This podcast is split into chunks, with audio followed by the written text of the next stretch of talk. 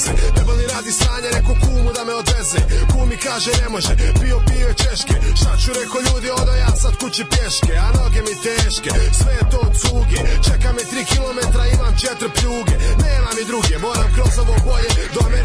baze, pa od šumarka do groblja Moram pratit eno one tam četiri staze. Bićim ja, mjesečina prati Već sam blizu baze, čuju se agregati Tu ću se popišati, usput istegirati Ma ništa zato, nek me tuže američki NATO. Nek me tuže kad sam pjan, boli me briga. Nek mi rade šta god hoće, nek me sada vide kako riga Hajde izađite svi iz baze da vas prebijem Jeboli vas onaj šupa Kevinem Da vas jebo Prošao sam kraj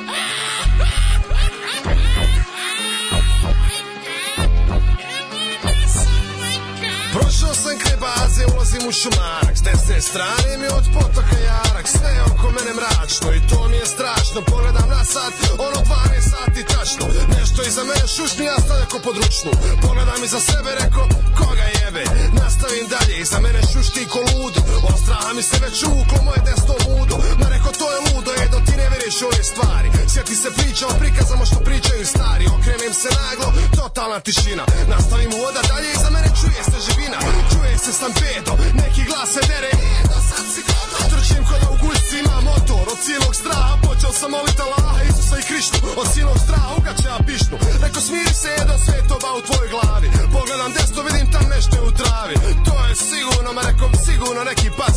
Kad se začu glas kaže Sješim se ko fol, sigurno je alkohol. Sigurno kumova trava u svakoj boski mi strava.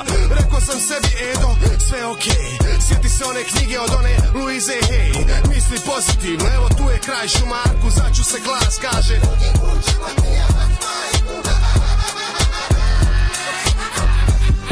Bom, bom, mi smo prikaze Bom, bom, ne traži dokaze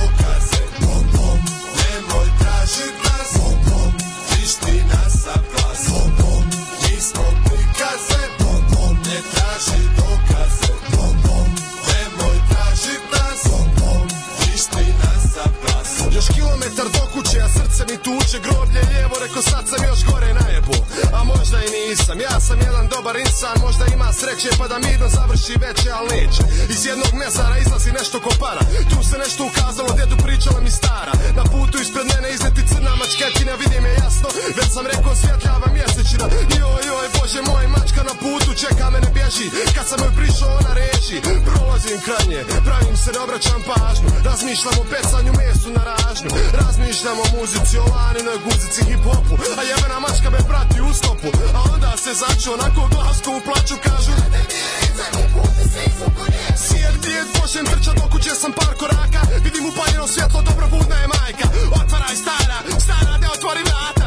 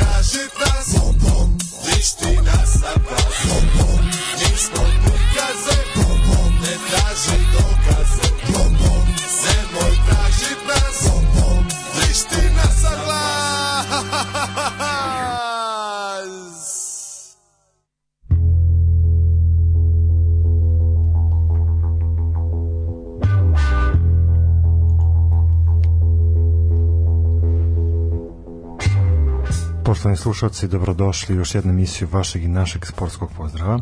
83. put se slušamo na radiju Daška i Mlađe. Ovu 83. emisiju započinjemo možda jednom čestitkom, obično to ne radimo, ali bismo hteli da uputimo čestitku za 150. emisiju našim prijateljima i dobrim drugarima iz uh, sportskog podcasta Partizan Hysterical. Da. Nadamo se da će trajati još dugo i da će još dugo godina uveseljavati prisutne slušalce. Stanislav, prepuštam reč tebi da otvoriš ovu emisiju. Pa, dobroveče i sa, sa moje strane. Ovaj, da, čestitamo Histerikalu, našim drugarima. Ovaj, ima što šta da se čestita ovih dana, ali da, otvorili smo sa Edo Majkom, a zašto? A, ajde da to odmah prva stvar, a to je da Edo Majka ima veliki koncert u Novom Sadu, u Nosadskom sajmu, tačnije Hala 2 Nosadskog sajma 4. juna, tako da ljudi eto 20 godina ovog legendarnog albuma Slušaj mater ovaj koja zaista onako je pun, pun, pun hitova i eto mi se radujemo Edi i verovatno ćemo se družiti zajedno sa njim 4. juna na sajmu E, kad smo opet kod čestitka da se ja prebacim i evo želim ovom prilikom da čestitam futbalerima Crvene zvezde na osvojenoj duploj kruni. To je svakako prva tema koju kandidujemo danas. Upravo baš zbog To je- toga to je- mislim da je to eto važno da napomenemo. Mi ćemo izanalizirati utakmicu koja je prethodila upravo toj duploj kruni. Pa tako je i one kri, biće standardni krici i odjeci ovako nečeg bitnog. A, Biće histerije. Biće naravno histerije, naravno, da vidjet ćemo možda je histerija i napustila našu ligu. Ovaj odlaskom trenera Stanojevića, to je svakako jedna od tema, zatim baraž, Uh, imamo rezultate baraža, znači potpuno je jasno koji timovi će činiti naredne sezone naše takmičenje, izašao je kalendar Superlige, ovaj zna se kada počinje, kada se završava, a isto tako ovaj ćemo spomenuti još neke stvari koje su se ima i dobrih, ima i loših koji su se dešavali prethodnih dana. No, ovaj svakako Marko, dobroveče i tebi. Dobroveče svima. Ovaj mislim da možemo polako otvoriti temu kupa. Ovaj to je svakako nešto što je najbitnije što se dešavalo. Tako je ono što smo nedelje. ono što smo najavili prošle nedelje i gde su oči sportske javnosti bile najviše uprte. Ako izuzmemo to famozno finale Lige šampiona koje naša redakcija jeste ili nije pratila.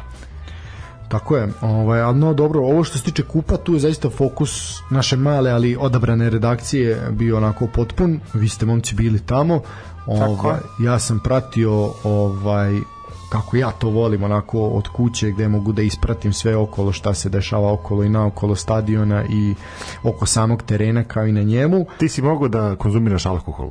Mm, jesam, a moram, to ću, nije za, nije za javnost kako sam prošao što se toga tiče, ovaj, no dobro, Svakako se nisi pokajao kao mi koji smo otišli u novinarsku lož. ta sam ti ja Mi u rekao. novinarskoj loži nismo mogli da pijemo alkohol, ali smo pili zato kafu. Kako je? Smo onu onako sikterušu, Aj, znaš. joj. Da, bilo je kao Ajde, Aj, ajde, ajde, ajde, ajde, vi momci, neka vas, neka vas. kući, da. Ovaj, dobro, ajde iz vašeg ugla, kako je to delovalo na našem najvećem stadionu? Poćeš ti Marko prvi ili ja? E, ti, Pa, ti prvi ti nisi bio u loži, jel tako? A to prvi put sad u novinarskoj loži? Da, da, prvi Da, put na, ajde. na Marakani. Prvi i, put sa ocem ovaj, na jutrenje, ajde. Tako je, da. I Zna se je moj mentor. prvi jedini put ovaj, da ću ići na derbi u ložu i spravo da vam kažem, ne znam koji mi je đao bio da idem u ložu, znao sam otprilike da će tako i biti, ali kao ajde možda ovaj, Šta te razočaralo? pa ko, ko, Kafa. Kafa, uh, pa dobro da, ajde kafa manje više, pa šta me je razočaralo? Pa nije me ništa razočaralo, jednostavno sam znao da će tako biti i to je to, ovaj, uh, atmosfera mi nije legla. A šta te dočekalo? Pa Mislim, bila je onako praznična atmosfera, unapred pripremljena, jel? parada, ovaj, kako kaže Balašević. Šunda i kiča. Tako je, da. A nije bilo šunde i kiča. Pa ne znam ti možda prošli put kad pre kad toga kad si išao možda je bilo još gore, ali meni nije nije. Pa znaš kako, ja prečesto posećujem taj stadion za za, svoj, grobara. za svoj ukus prečesto posećujem taj stadion. Što zbog reprezentacije, to što zbog same činjenice da su se u zadnjih par godina igra finale na tom stadionu. Da. Pa, uh, ja, ja bih se fokusirao više na utakmicu. Uh, rekao bih da je u pitanju jedna zaslužena pobeda Zvezde i glupo će biti porediti, ali ovaj, rekao bih da su prošle nedelje i Zvezda i Real Madrid pokazali kako se igraju finale. Jer u finalima jedan tim može napada, može bude, da kažemo, po statistici i po prilikama bolji na terenu, a da drugi tim zasluženo osvoji. Zato što finale je jedna utakmica, zna se koliki je značaj u takvoj utakmici i zna se da se greške ne praštaju. Tako da ovaj rekao bih da Zvezda sa dva gola zasluženo pobeđuje. Nad Dejan Stanković je, da kažemo, nadmudrio uh, stručni štab Partizana I, I to je to. Jednostavno imali su bolji igrački kadar tokom cele sezone i to je ovaj došlo na videlo u ovoj poslednjoj utakmici. Partizan je imao inicijativu, to definitivno, da je pa da, se, da su iskoristili neku od šansi koje su im se ukazale, možda bi bilo drugačije, ali to je finale jednostavno, greške se ne praštaju, plus što je Zvezda, jel te, na osnovu e, što je Zvezda, kad već govorimo o tom boljem igračkom kadru, imala jednog magika, bez ikakve, ovaj, da kažem... Ironije, da.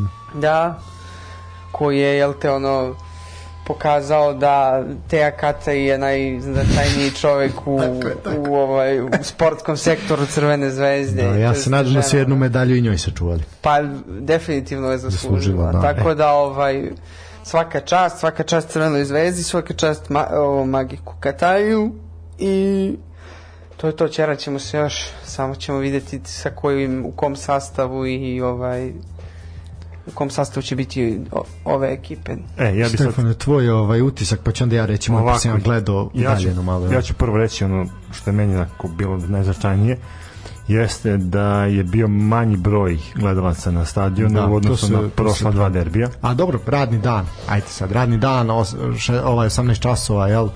Malo pa to. lepo vreme, ne vidim razlog zašto ali ljudi nisu dan, posetili dan. stadion, ali dobro.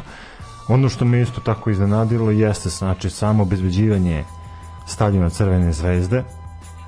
Opet tenzija bez potrebe od strane policije ali ajte, ok, razumemo to. I to nekako možemo da da progutamo. Gužva imam na, imam na tu temu šta da kažem znaš kako, gužva na za nas koji smo krenuli iz Novog Sada gužva na autoputu ogromna. Mi smo imali tu sreću da smo malo nekim zaobilaznim putevima malo smo kršili saobraćajne propise ove zemlje da bi stigli na vreme. Doći na Marakanu tog dana je bilo kao proboj Solunskog fronta. Pa da, ali to ti je to ti je glavni razlog zašto je bilo manje manje publike. Nije ni cena karta ovaj put ni ništa, problem je samo što je bio radni dan. Da se finale igralo ili kasnije ili da se igralo za vikend, to bi bilo mnogo drugačije. Ovako u ovom terminu po meni potpuno potpuno promašen termin. Jeste, potpuno promašen termin, ja mislim i slažem se sa tobom da je trebalo da se odigra malo kasnije. Definitivno. Mislim, s obzirom da postoje reflektori, bilo je poprilično i vruće tog dana, znači ono nekoliko puta je sudija prekida utakmicu jel da bi se igrači osvežili ovo je već prvi put posle 18 minuta igre mislim što je onako zaista poprilično rano ali da se samo postavlja pitanje ono o čemu ćemo posle pričati a šta će biti kad liga počne 9. jula e, da. šta će biti u julu mesecu upravo to a biće zanimljivo biće da, zanimljivo da. pregledne tribine znači ako pogledamo tribine na severu nisu bile popunjene do poslednjeg mesta tribine na jugu su bile drastično smanjene odnosno posvećenost na jugu je bila drastično smanjena. Eto, zvezdni navijači su imali jednu jako interesantnu koreografiju Pa dobro, možemo na to kasnije da se osvrnemo. Pa ne, na početku, pre ne bih htio na početku zato što je to nešto, znaš, ono, kao taj navijački kolorit koji pali i koji prim, pokušava da, da, da privuče razne ljude da dođu na stadion, između ostalog i strane neke turiste. E, tribina na istoku podeljena u tri sektora. A, mnogo više prazno. Upravo, mnogo više središte je bilo prazno nego popunjeno. To je nekako, pa ajde kažem, ceo taj uh, atmosferski ugođaj. Kad je u pitanju ta uh, utakmica uh, opet nije bilo nekih incidenata na stadionu što je samim tim pokazalo da utakmica može da, da se održi onako kako treba da se održi. Uh, konstatacije na terenu ti si Marko tu dobro rekao i absolvirao nema šta tu da, da se priča. Uh, Zvezda je bila kvalitetni protivnik uh, Partizan je imao možda neku terensku inicijativu imao je loptu u svom posedu određeni broj minuta ali taj posed nije, nije ništa. Nije ja mislim da, da, da, da mora čak i, i u prvom polovremenu i jeste, ali mi se čini da evo dajte pogledajte ti da, nije, nije sigurno pratio sam nije ali dobro. Ja opet kažem neko utakmica se igrala prošle a prošle četvrtka danas je ponedeljak prošle dosta toga i ja opet ono apsolviram iz svoje glave na osnovu onoga što sam uspeo da zapamtim i da vidim. Derbi ko derbi. 53 47 53 dobro. Ovaj Zvezda bila konkretnija, iskoristila šanse, to ono što smo pričali više puta da u takvoj utakmici kao što je finale, šanse jednostavno moraju da se iskoriste.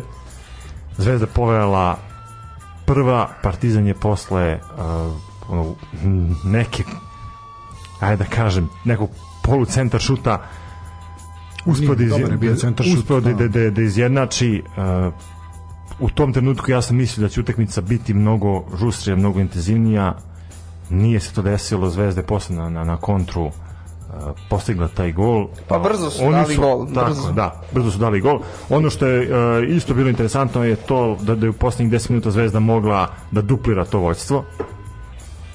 I Pa to, je i naš on- to je ono- Ivanić Grobar odlučio da nas ovaj danas časti. E, i to je ono što bi ja rekao, eto, ono, sva, sasvim zasluženo pobjeda Crvene zvezde i osvajanje te duple krune.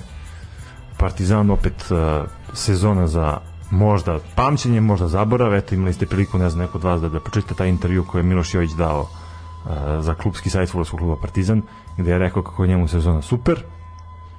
Opet, ako je nekim super, i ja to poštujem, ovaj, ako pogledamo statistički, Partizan ove sezone, osim tog izleta u Evropu i osim osvajanja jesne titule, nije uradio ništa.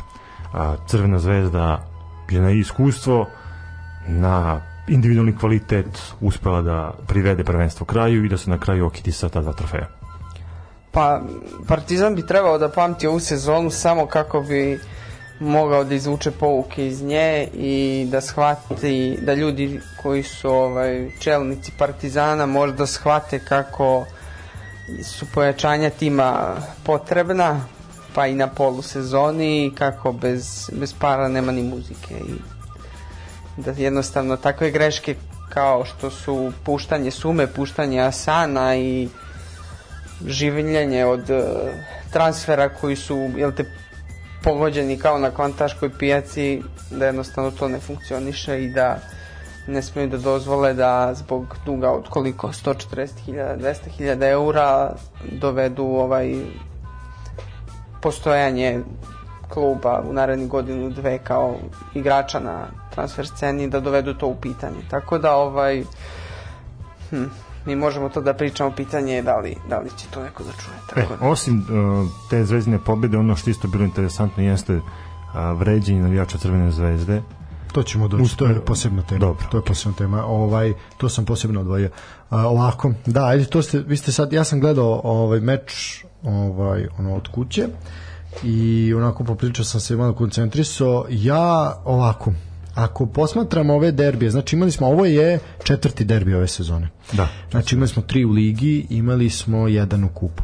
A, u prvom derbiju je Zvezda apsolutno pregazila Partizan. Tako je, to je taj 2-0. O, tačnije, Ne, u prvom je bilo 1 u prvom je bilo bilo 1-1 u, u ovaj šta hoćeš Lukić reci slobodno telefon evo ti brate ovaj u znači u prvom je bilo 1-1 u drugom je Zvezda apsolutno pregazila nakon onih grešaka Miletića Tako i je, ono da, sve 2:0. 2-0 e, onda tu je Partizan bio jezivo neborben znači to je bilo katastrofa e sad treći derbi si imao da se Partizan onako malo probudio i bilo je malo, malo za nijansu borbeniji. E sad ispada da su ovaj znači postepeno ono gradacija postepeno su ovaj rastu i razvijaju se i sad su došli do toga da su čak i zapretili postigli su i pogodak.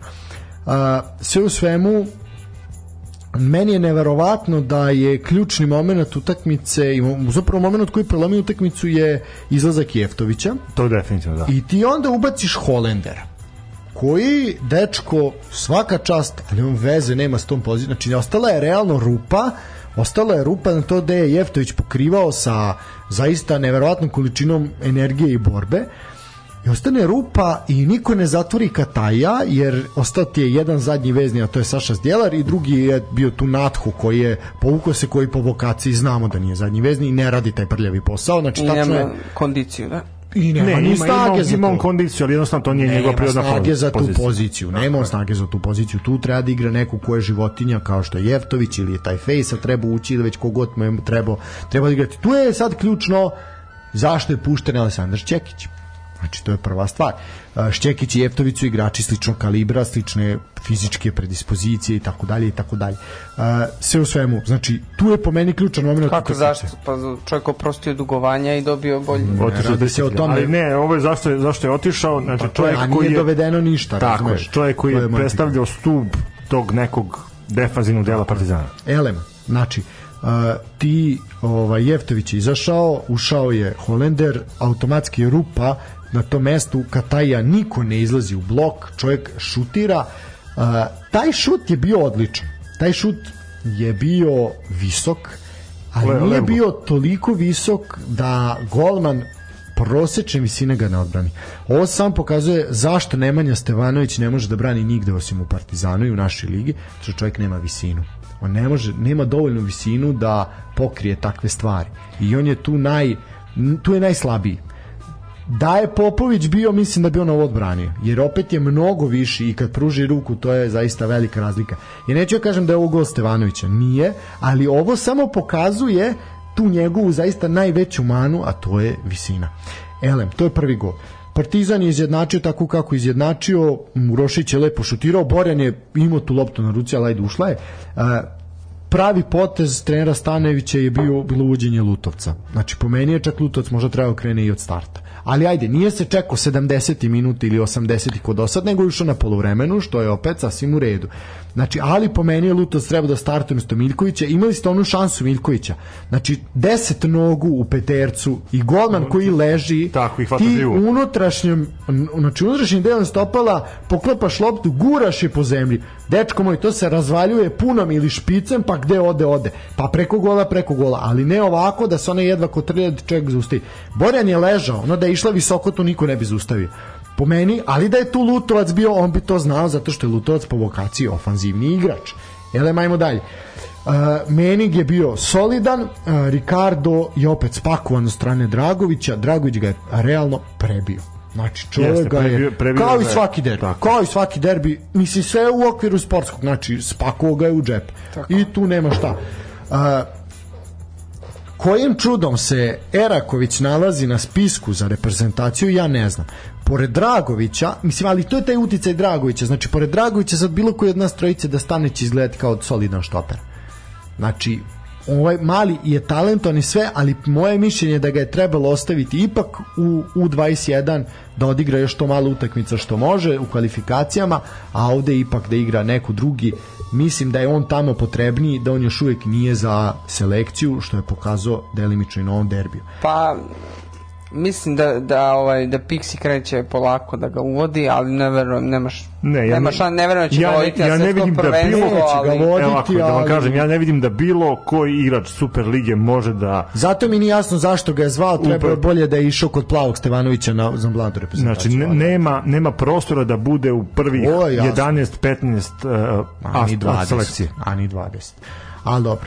Uh, šta još dalje imam da kažem? Ohi je bio poprilično slab, znači Ohi se zaista nije video, ovaj, ali nije morao, čovjek je odlačio igrače, ostavio je Kataj u prostor, Kataj je to koristio, opet su Srnić i Kanga pozatvarali sve na sredini terena i prebili igrače Partizana koji zaista nisu mogli da urade ništa i opet se videlo da bez Natha Partizan jako teško igra, ulaskom Natha je opet to bilo mnogo, mnogo drugačije i meni opet je glavno pitanje zašto nije bilo Terzića, zašto je ubačen Jović, po meni je Terzić mnogo konkretniji, Milovanović je zapravo ima i premalo vremena da bilo šta pokaže. To je negde što se tiče same ove igre igre jednih i drugih. Kataj po meni na, mislim, ovaj put zaista Zvezda nije bila toliko dominantna kao u onom pre dva derbija, ovaj, ali jednostavno je Kataj pokazao klasu i svaka čast njegove supruzi, ona je zaista zaslužna, Terza zaista da joj da medalju i za kup i za ligu, Pa- jer bez njega ovo ne bi se Pa desilo. Mrkela neki da jedno 30% plati. Pa da, jednu To- premiju to- je to je zaslužila, premiju zaslužila. Ne treba njoj E sad što se tiče sudije, ja bih zaista pohvalio mladog sudiju, čovek nije potpao pod pritisak, po meni vrlo korektno suđenje, bez nekih grešaka, pustio je ono što sam ja i baš smo pričali u Da, emisiji to sam hteo pustio da se pomenem. pustio je malo grublju igru nije seckao svaki kontakt faul i ja mislim zaista je dečko odsudio svaka čast Da. bili su bilo je mnogo skepticizma u vezi Tako njega je. ali zaista je čovjek Tako je, potvrdio tako je. svoje. To, toga smo se najviše plašili da ne izgubi konce, Ne, za ni jednog momenta. ali ni e, jednog mi smo pričali baš na, na stadionu o, o sudi i Marko je rekao da, da sudija dobro sudi i da je već u startu postavio neki svoj kriterijum suđenja koji je se, koji, kojim se držao izdržao do kraja. Svaka čast, svaka čast Znači- momku. Baš je, baš je onako odgovorio na sve te kritike koje su bile upućene zaista sa mnogih strana na najbolji mogući način i bravo. Svaka čast, znači zaista ono ne ovaj put se za suđenje zaista ne može ništa reći.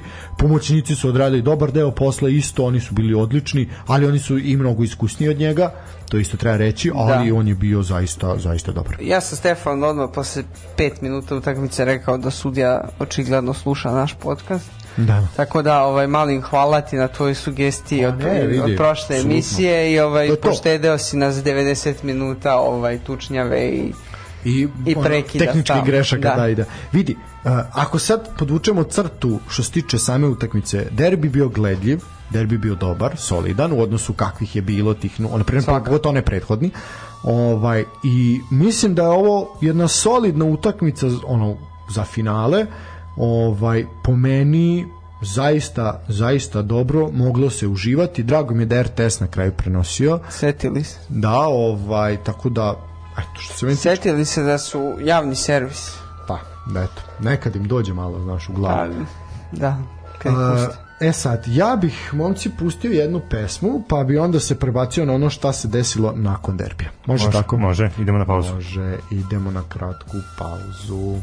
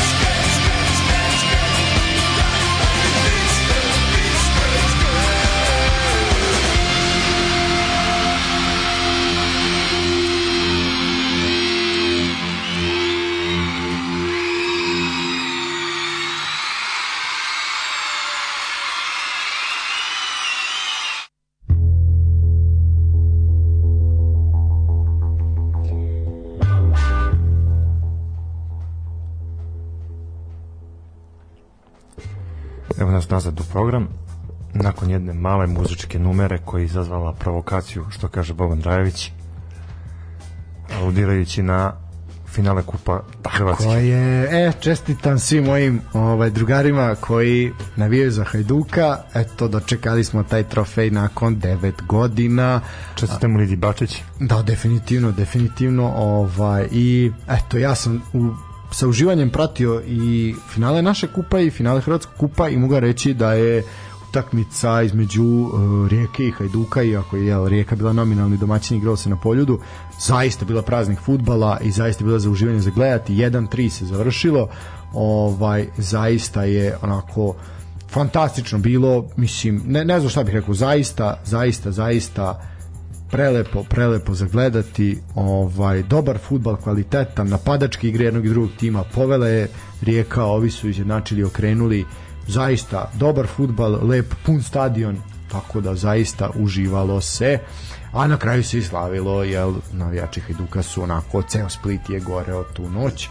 Znači bio ti je bolji ovaj uh, hrvatski. Ako, pa zanimljivije utakmica je bila. Dinamičnija, mnogo više golova palo, već je 2-1 bilo na poluvremenu i zapravo ključni moment tog, tog finala je bio crveni karton kapitena Rijeke koji je za jednu, morat ću ti kasnije pokazati, ali mislim ispričat ću sad u programu, a, dobio je žuti karton, tačim već drugi žuti karton tipa u pa negde to bio kraj poluvremena tipa 40 neki minut ovaj dobio je crni karton za povlačenje protivničkog igrača u, znači u autu, sigurno dva, znači bili su skoro kod reklame, znači koliko to, metar u autu, ga vuče za ruku i za dres, jednom rukom za ruku, drugu za dres i sudija svira faul, a znači lopta je bila, izašla je, igrač je u autu i ovaj ga i dalje vuče, čovjek trči u autu. Nema to. I drugi žuti karton crveni, znači zaista ono takvu, takvu glupost da čovjek da čovjek napravi, to je meni meni zaista nema to veze, mogu je oni u tunelu da dobije. Naravno, zato kažem, ali letiš, no, ali vidi kapiten kapiten ekipe da takvu takvu glupost napravi u 41. minutu, ovaj a prvi karton je dobio zbog nesportskog ponašanja, a drugi zbog povlačenja. Pa dobro, ovo kao povlačenje, jel? Ovaj tako da zaista eto nema šta u tog momenta kad je zapravo i Rijeka ostala sa igračem manje već je bilo jasno da Hajduk uzima posle su dali samo još jedan gol ali zaista je to lepo, lepa utakmica isto za praćenje i gledanje. Mogu, moram priznati da finala nacionalnih kupova ove godine uopšte nisu podbacila sve kupove koje smo pratili, ove regionalne, zaista je bilo jako, jako zanimljivo. No, Elem, šta se desilo posle finala naše kupa, u kom pričamo i dalje? E, ono što sam ja uspio da vidim jeste da su predsednici, odnosno funkcioneri Crvene zvezde otvorili šampanjac i krenuli da slave. Konzumacija alkohola na sportskim priredbama je kod nas zabranjena, ali očigledno nije Crvenoj zvezdi. Osim ako nisu pili onaj deči šampanjac. možda je bio deči, možda je bio oni sok od jabuke gazirani. Ovaj elem dok su oni ispili šampana, šampanjac, trener Aleksandar Stanojević je podneo ostavku. Znači, eto, došao je pre oko godinu i po dana i zaista su ga u septembru, tog septembra su ga mnogi posmatrali kao nekoga ko će spasiti klub, kao eto, ono neka zaostavština iz onog prvog mandata ovaj, od periodu 2009. do 2011 i kada je osvojio dve titule i kup i igrao sa crnobelim u Ligi šampiona tako je bilo tada, a eto ove 2000 od dva- 2020. kad je došao, pa eto do danas nije ponovio te uspehe i jednostavno je nakon finala saopštio odluku da odlazi iz kluba. E sad, kako vi gledate na to, pa ćemo onda malo analizirati šta je to Stanović dono, odnosno odneo iz Partizana. Hoćeš ti Marko prvi da? Um, a moram prvi. Pa ne Ok, ja ću da. Demokratski, ajde. Pa eto, Stanović smena Milošević i dolazak Stanovića na kormilo Partizana. Što ti kažeš, ljudi su očekivali ponovo taj uspeh koji je Stanović ostvario sa Partizanom.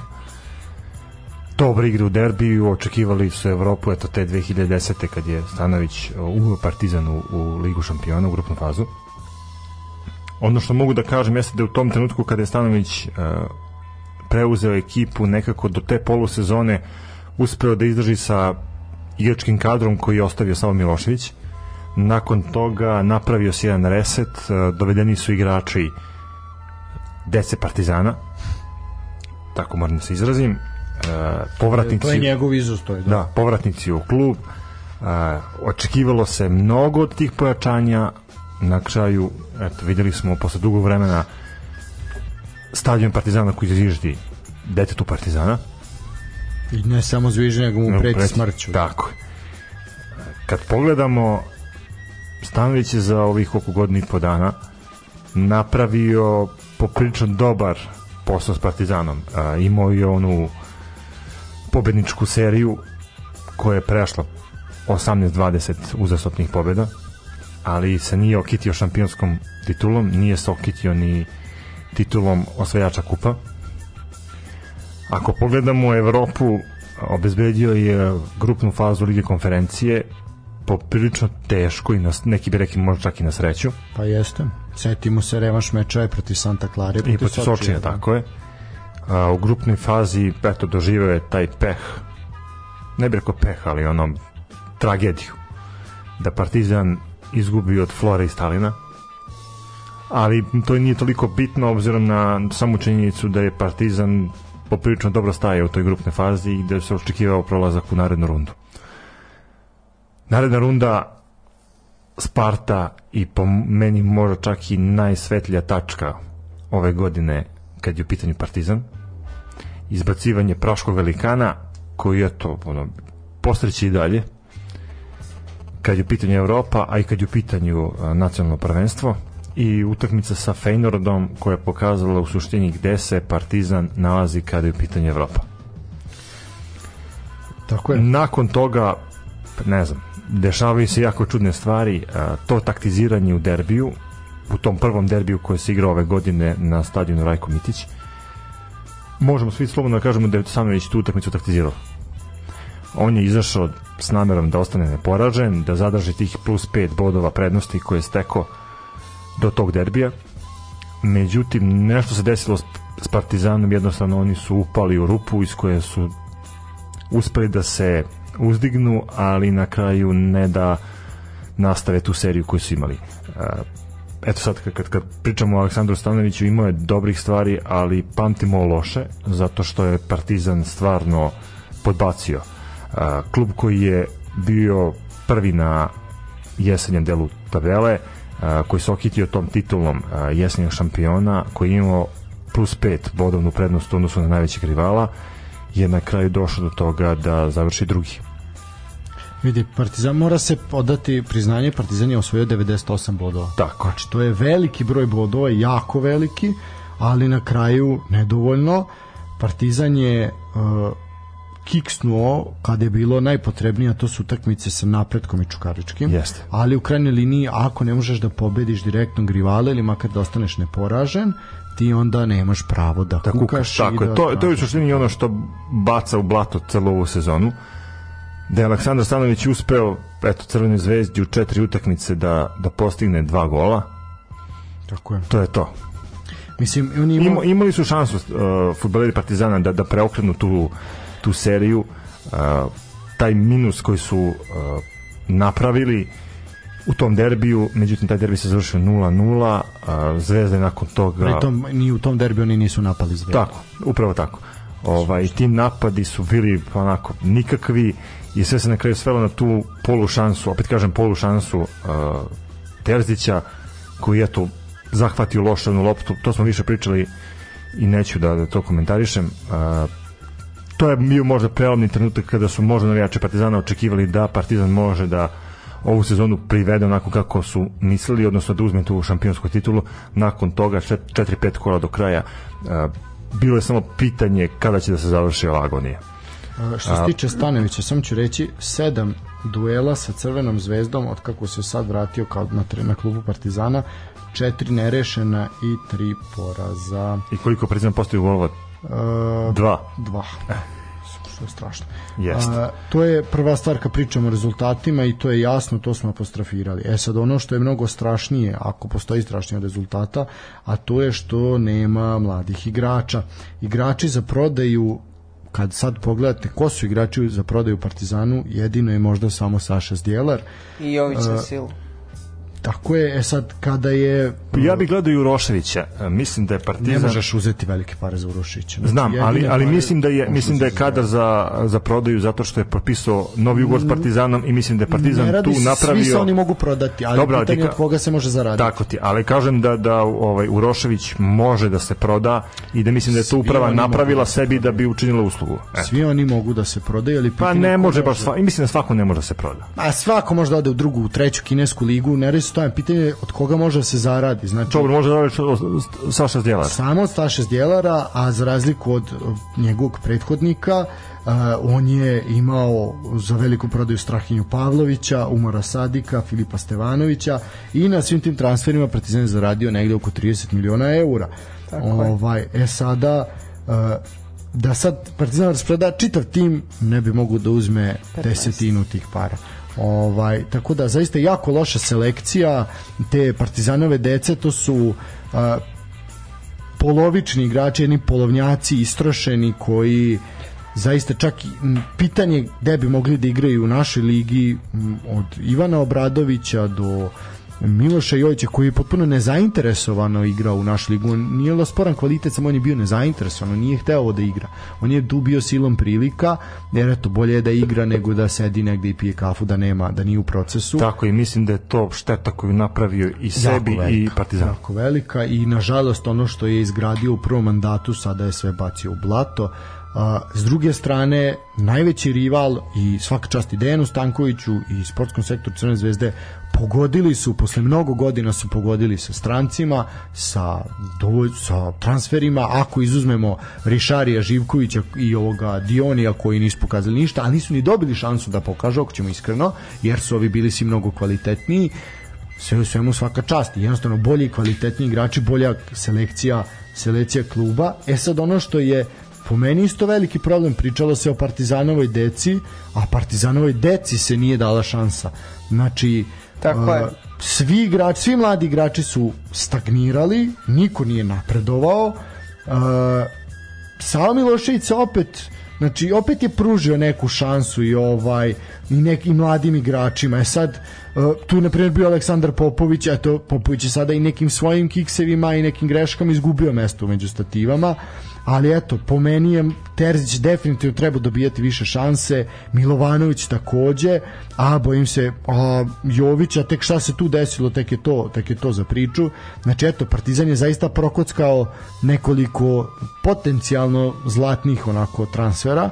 Isto tako Lazar Pavlović u ovoj sezoni je odigrao ukupno 600 minuta, što je za nekoga ko se najavljivao kao veliki talent popričao sramota. Naslednik Saša Ilić. Tako je, a da a danas se dovedu, do, dovodi u priču da će preći u Vojvodinu. Što mi ja iskreno želim jer njemu Tako zaista je. treba da revitalizuje Tako je, karijeru, Jeste, da i on je još uvijek jeste, njemu mlad. su- Njemu su On potrebni je jako minuti. mlad, a, a, ovaj, a je, ne i- igra u- dosta dugo u kontinuitetu ne igra, tako da ovaj...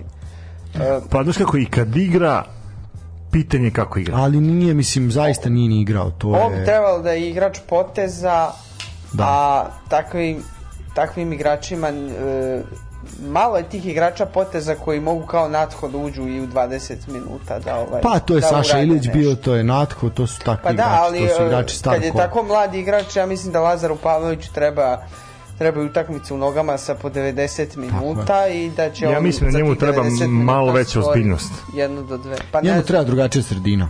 Ne, I drugačija sredina i malo veća zbiljnost.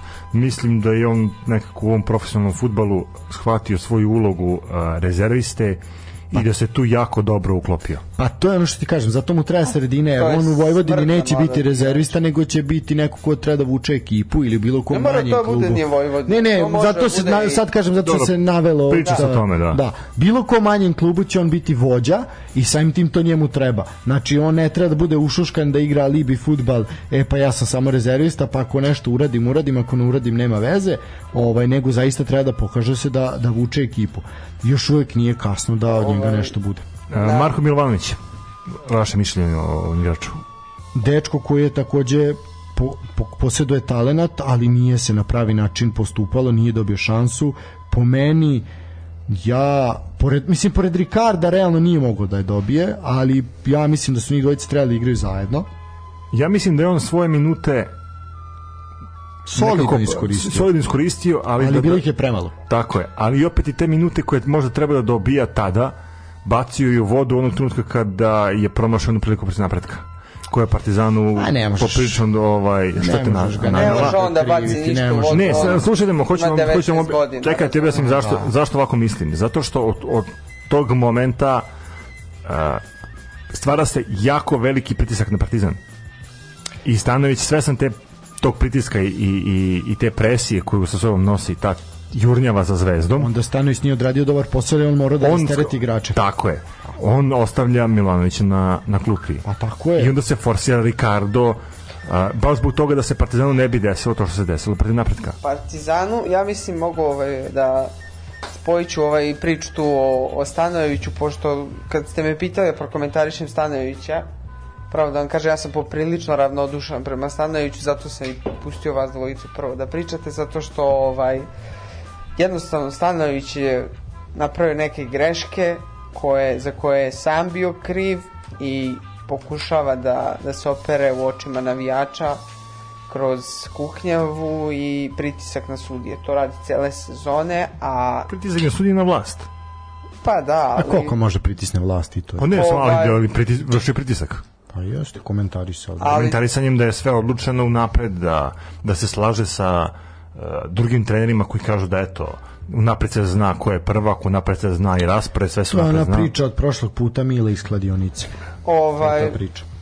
ja mislim da je Aleksandar Stanović napravio grešku time što je e, svesno ušao u taj rizik da sve svoje ovaj e, da sve što ima uloži na Ricarda da se opkladi na Ricarda i na činjenicu da bi Ricardo mogao da, da odigra celu jednu sezonu perfektno dok Što nije moguće, Ricardo Tako je, da, da Ricardo daje tokom cele sezone dva, dva gola po utakmici, pošto on u momentu, znači pre polusezone, on je od raspoloženih igrača imao samo Ricardo. Lazar Marković nigde, Jović ne postoji u igri.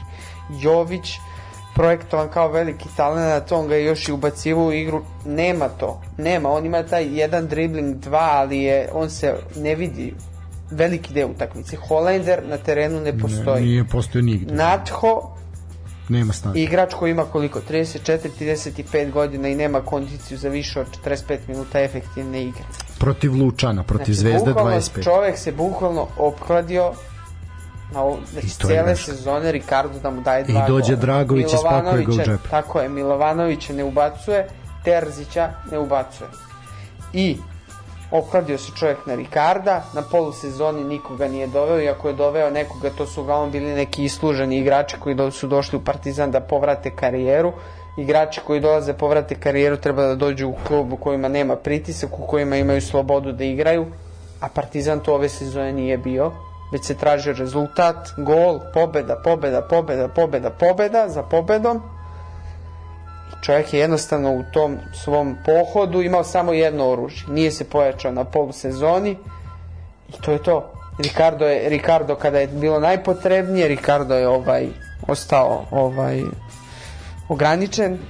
Dragović ga je ovaj spakovao u džep na oba svakako, derbija da. i evo sad i ovom u kupu i to je to. Da je Ricardo, da je Ricardo prokinuo na prvom derbiju sezoni, na drugom sezonskom, ovom ligaškom derbiju ili sad Partizan bi imao du, duplu krunu. Da je uradio ono što se očekivalo od njega. Ali tako je jednostavno. Nije bio dovoljno kvaliteta da to uradi protiv Dragovića.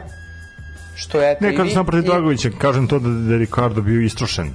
Pa Jed- da. Jednostavno, Partizan je sve karte bacio Ali na, nema na, ni- na, na taj nema ni napad Ricardo igra. da savlada Da. Tako ali je, mi smo se. bukvalno krenuli u pohod na duplu krunu samo sa Ricardom. Mi smo celu prvu polusezonu jedini raspoložen igrač Pa kod nas ti- je bio Ricardo i Tako, ti si, ti si kvalifikacije vuko na Ricarda. tako je. Kao tako je. Jednostavno svako ko ima i malo ovaj gleda futbal Videć, videći da Partizan je zavisi da od se njega. Tako je. titula ne osvaja. Evo, City na primjer, koliko ima 20 kvalitetnih igrača koji se smenjuju i opet im nije to bila garancija da će uzeti titul. Engleskoj u poslednjem kolu su uzeli titul. Tako je. A ne vidiš A mi imaš s jednim igračem Crvena zvezda je imala četiri igrača. Tako je. Znači imao si Kataja, imao si Bena. Bena, imao si Ivanića i sad si imao Ohija. Znači četiri igrača i normalno da ako se za, ako Ivaniću nije dan, ako Kataju nije dan, ostaju ostali. Ja. Znači to je to. Ne može se sa jednim ili sa dva igrača osvajati liga. To naravno da ne može, ne može nig, nigde ništa, a, a ne a ne naša liga, pogotovo sa ovolikim brojem utakmica, razumem. Mislim sve sve što si rekao je na mestu. E sad moje pitanje vama je koga Koliko vidite mesta- na klupi? da, tako, koga da. vidite na klupi? Spominju se Darko Milanić, ja odmah da kažem, mislim, to tog nema ništa. To je, to je nerealno. Vladimir Ivić, nerealan. Nerealno. Marko Nikolić, nerealno. Uh, mislim da Brnović je možda realna opcija. Mislim da je Albert Nađ možda najrealnija opcija i Mladen Krstajić se spominja priča. ja ne da. bih volio da vidim Mladena Krstajića uopšte blizu bilo kom našem Stadion. ne stadionu nego nego fudbalskom klubu koji se, Graničnom takmi, koji se koji se takmiči u Superligi. Pa dobro, dobio je otkaz u Izraelu. Dobio je- otkaz u Izraelu sa TSC-om nešto baš i nije. A bio je solidna stacija. Mi po Pa meni je ne- sa TSC-om radi bolji posao nego Lazetić. Dobro, Pa je, dobro, jeste, da, jeste. jeste. Ne, Ali ne, opet, ne, znaš, ne. kao, ajde da, da, da pružimo Lazetiću i malo vremena pa da vidimo na kraju da podvučemo crtu. Pa, već se poluga crta, nije izborio Evropu.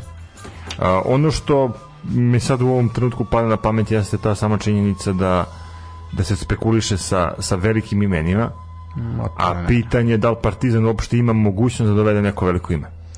Mene bi čudilo da se šansa da Igoru Duljaju, Igor Dulje i Albert Nađ po meni nekako kao, kao osobe koji je poznaju već Partizan, koji je znaju kako se radi s Partizanom i da bi u suštini Igor Duljaj bio samo da kažem produžena ruka onoga što je Aleksandar Stanović radio A je, više, ja tu ću te demantuti. Ja po meni mislim da Igor Dulja ima potpuno drugačiju futbolsku filozofiju nego Aleksandar Stanović i da od Duljaja možemo očekivati neke stvari drugačije postavljene, a isto tako i od Mladena Krstajića. Mislim da bi Krstajić zategao tu ekipu na malo drugačiji način.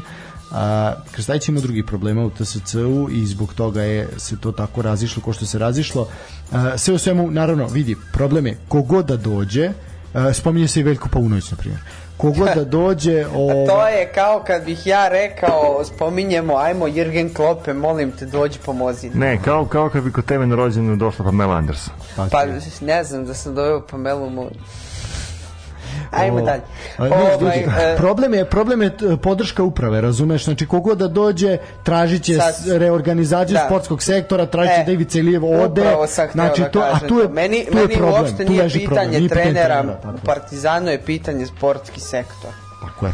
Mi imamo čoveka koji zvanično je u ostavci, Nije on u ostavci. Pa nema, nije, on on, je, on je sad zvanično Ivica- sportski direktor Partizana. Ivica Ilijev radi taj posao tako da kao da nema nikakvu odgovornost. I da o tome se Ali radi. Igrači, igrači koji su bili dovođeni u proteklih godinu dana, ako je doveo Ivica Ilijev dvojicu, Nijednog, ali ajde. ni jednog. Šta radi taj čovjek? Razumije, prodaje Umara Sadika i priča se um, o prodaji Umara Sadika godinu dana. Kao da smo prodali Mesija na osmine, brate. Prodali su ga kao burek su ga prodali, brate. Ja na znam da grame, li na grame. Da li su E, a to je jogurt to. dali su- Slažem se, slažem se. Ivica Ilije voli da prode na gram. Da. Pa, Voli da, voli da, da uzima na gram. I, I o tome, ja ne znam, to se kao absolvira kao neka veliki ne znam, Da, ali vidiš u čemu je problem? To sve, a zbog toga što je pričao sve vreme Umaru Sadiku, izgubili smo sad duplu krunu. Ali vidi Jer sad nije ovo. radio svoj posao. A pazi ovo, Partizan živi i nada se ulazku Almerije u, ligu da bi uzeli pare još dodatno od Umara Sedika, da bi preživeo klub od tih bonusa od Umara Sedika. Pa to, je- to je van... da. Pa tako je, to je van van pameti, Pameti. to je Partizan nikada nije tako funkcionisao. Partizan je uvek imao zlatne koke koje mogu da unovči da bi, da bi, se, da bi klub nastavio dalje, ako ne izbori Evropu. E, zato sad Zato- ima stare koke, stara koka, dobra juha. Zato je po meni glavno pitanje u Partizanu sportski sektor i Ne, i uprava, i da li bi mogao da se dovede novi sportski upra, direktor. uprava je najveći problem Partizana. Ja prvo vidim da bi mo, možda rešenje neko tu mogao da bude Ivan Tomić. Neće već nikad. Tako, i ja mislim da, da Ivan Tomić uopšte ne razmišlja o Partizanu. Pa dobro. Ja se slažem sa Stanislavom vezano za, za A zbog čega Nađa. ne razmišlja? Pa zato što ga je nema. proteran, zašto je proteran iz srpskog Pa, fudbala, zato ga o nema. tome ja nema ga pričam. čoveče, nema ga. Znači ti imaš na Partizanovom stadionu od bivših igrača Ko hoće da pojavljuju dođe? se Brežančić, Ivica Kralj. Ivica Kralj, pojavljuje se Dobro, Ivica Kralj radi u scouting službi. Dobro, pojavljuje se Albert Nađ On je trener u teleoptiku. Eto, to ti je to. Tako je. Pa neka dođu ovi uh, internacionalci čisto da Potrebne odmore, da, da, da, da se su- jave treneru, da kažu kao momci, mi vam želimo sreću i to je to. U Ti Partizanu nemaš... su potrebne korenite promene. Pa, potrebne u upravi, su. u sportskom sektoru i može da dođe ko god hoće na mesto trenera, no god su isti ljudi u tim istim foteljama, Partizan redko da mo, e, redko, bože, teško da može da da odmakne dalje nego što je odmakao ove sezone, znači dalje od 98 bodova i drugog mesta. A, dobro, a, što se tiče Crvene zvezde. Crvena zvezda, perfektna sezona, znači ispali su na kraju od finaliste Lige Evrope, za malo su ljudi uzeli ti čak Rangers uzeli trofej, eto taj nesretni penal, jedan ih je delio. Ovaj, čak i Zvezda bila je i dobra, do- super, Rangersa, super igrala da. Nisu imali sreće. Zvezda odrađuje posao, Zvezda po meni kako deluje pravi jedan pa recimo srpski Dinamo, znači da tu bude tu jedna onako dinastija koja će trajati i kupuje sve najbolje što ima da se kupi, dovodi igrače pomalo i na kilogram, isto je. što ti kažeš, ovaj, ali jednostavno kupuju sve što valja, što misle da valja, od toga će nešto biti škart, nešto će valjati, idemo dalje. Crvena zvezda ima drugi problem, Crvena zvezda ima problem što izostaje podrška navijača, Crvena zvezda ima problem što navijači prave skandale i haos, to je njen drugi problem, što je sada brand kluba doveden u pitanje, što sada je Crvena zvezda nešto što nikada nije bila i nikada neke vrednosti koje nikada nije zastupala, ali eto u zadnje vreme zastupa. To je veći problem Crvene zvezde nego sama sportska priča i sama igra na terenu. Ja mislim Stanković to lepo sve slaže i mislim da će ući lagano verovatno ligu šampiona svoje mislim povlašćeni su da ne znam koliko kola tako da ono mislim da tu neće biti problema Uh, tako da, znaš, bazirali smo priču na Partizanu, zato što Partizanu ima zaista više šta da se kaže nego u Crvenoj zvezdi. Crvena zvezda odrađuje svoj posao. Pa, Kod Crvene zvezde je sve jasno. Tu može se promeni tu nešto može Oni se promeni mogu, jedino mogu ako... da novi igrače da dovedu i da, Da, da mislim, sad je već sistem. klub, je, da. klub je na Tako. stabilnim nogama, ima neki sistem kakav god daje, ali on postoji. Ovaj što se tiče sportskog sektora, znači to komentarišemo. Ovaj i jednostavno do što kažeš dovešće igrače na igračima na pozicijama koje su potrebne, prodaće šta mogu da prodaju, dovešće novo i tako u krug i u krug, pare ležu od UEFA Znači ima se para, to su bili transferi koliko koštaju za igrače koji su dovedeni. Promašaja je bilo, promašaja će biti, ali ima i pogodaka i to je sasvim sasvim legitimno. E sad problem, a sad a, ću ići na pauzu pa pričati o ovim skandalima Može, ili može, a, može, a? a, a ovo će biti baš kratka pauza, dva minuta nešto, može tako neka kratka pesma. Taman. Ajmo.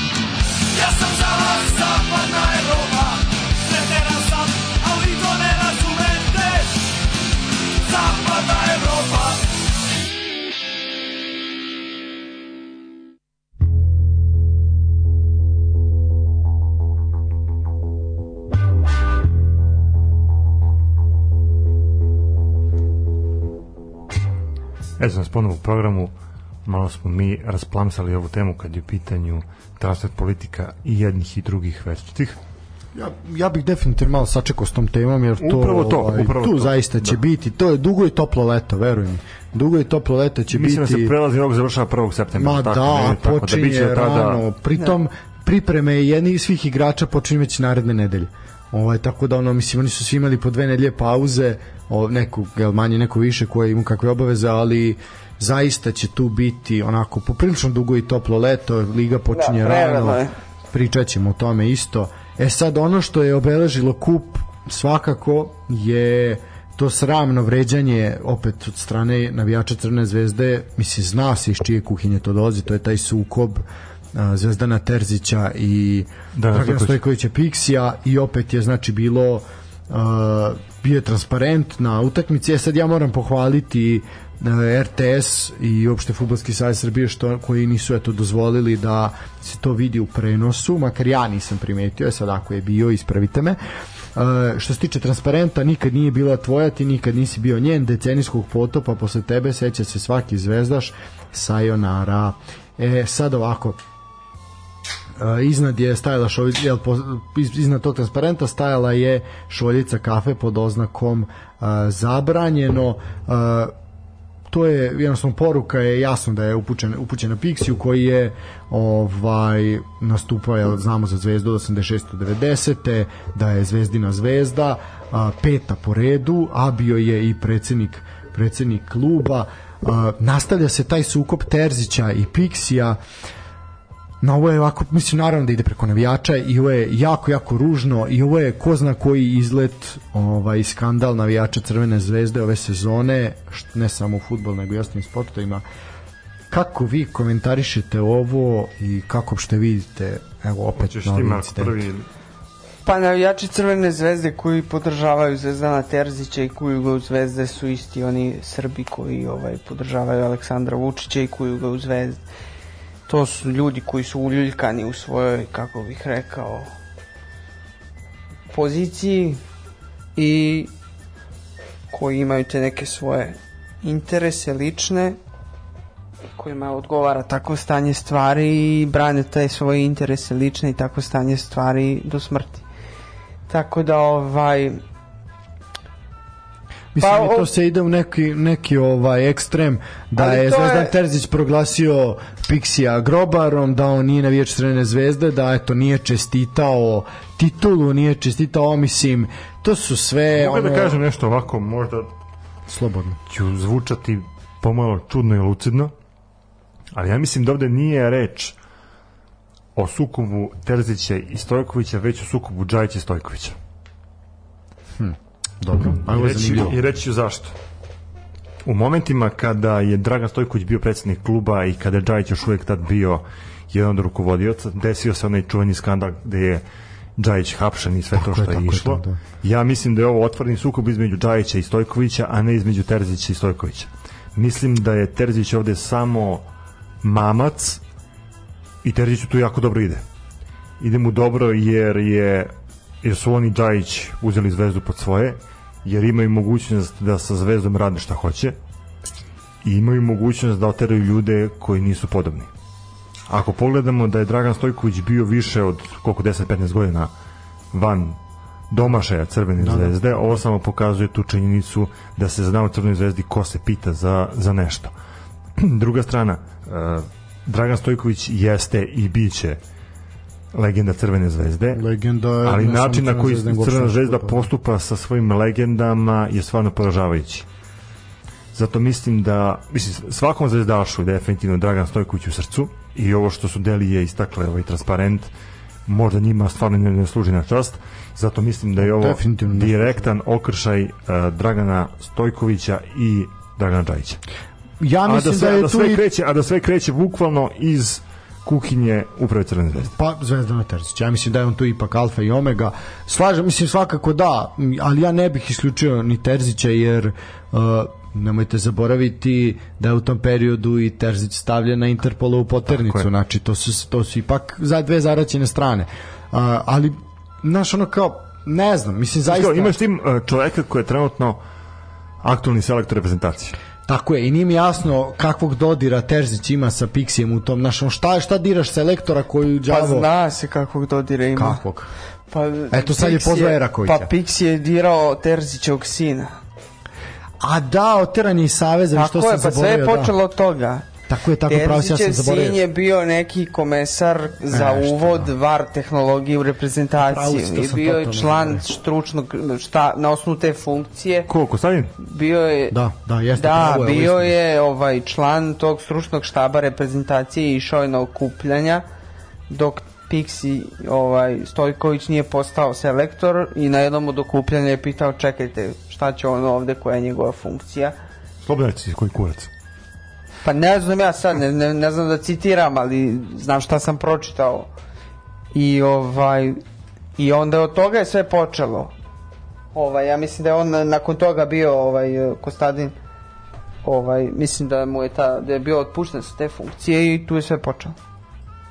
Pazi, se možda tu samo dodatno zakuvalo? Pa da, mislim, ja mislim da isto svakako je to bila neka možda inicijalna kapisla koja je ponovo rasplansala te neke stare strasti, ali definitivno je ovo što kaže Stefan i ovo ima, ipak ima i oni istoriju popriličnu. Pa. Ovaj, ali mene, znaš, ono kao, ne mogu da shvatim i ono što mi ne ide u glavu je da će zaista uh, navijači Crvene zvezde uraditi to, a to je obrušiti se na sopstvenog Upravo to, na sobstvenu legendu. sopstvenu legendu i to je ono što je meni jako neshvatljivo, razumeš? Zbog Zvezdana Terzića koji im je sad trenutno legenda. Tako da Pazi, ovaj Terzić jeste sad legenda. Mi možemo da pričamo šta Pa god kad hoćemo bude njemu i odlazio, i vidjet ga- ćemo i da ga li ne će biti volimo kao što ga tako da- većina sportske javnosti ne voli, ali on je trenutno stvarno zvezdina legenda i čovjek koji radi taj posao sasvim dobro. E sad, opet, ima to svoju pozadinu, ima tu svoju prošlost, a, njegov temelj je poprilično mutan, Tako da, ne znam, vidjet ćemo, mene baš zanima otprilike šta će se desiti u, u budućnosti sa Zvezdom Znamo da Terzićem. je znamo da je ovaj tužio Terzića, Pixi, da Jeste, je da. to je savio tabak posle prethodnog upravo Da, da, da, incidenta. tako je. ovaj da je više jednostavno nije- i ne treba da ćuti. A zaista mislim ono znaš kao a ne ne mogu da znaš meni je to meni su takve stvari nepojmljive da ti mislim da se mi za kakav god klub navio bilo ko od nas Dragan Stojković Pixi je ubedljivo najbolji futbaler s ovih prostora. Znači bio najveća legenda uh, i dalje se pamte njegove bravure u reprezentaciji, zna se kakav je autoritet bio, sve to stoji i mislim da jednostavno čak i ti navijači kako nemaju obraza i da stanu i da kažu alo ljudi pa nećemo to da radimo.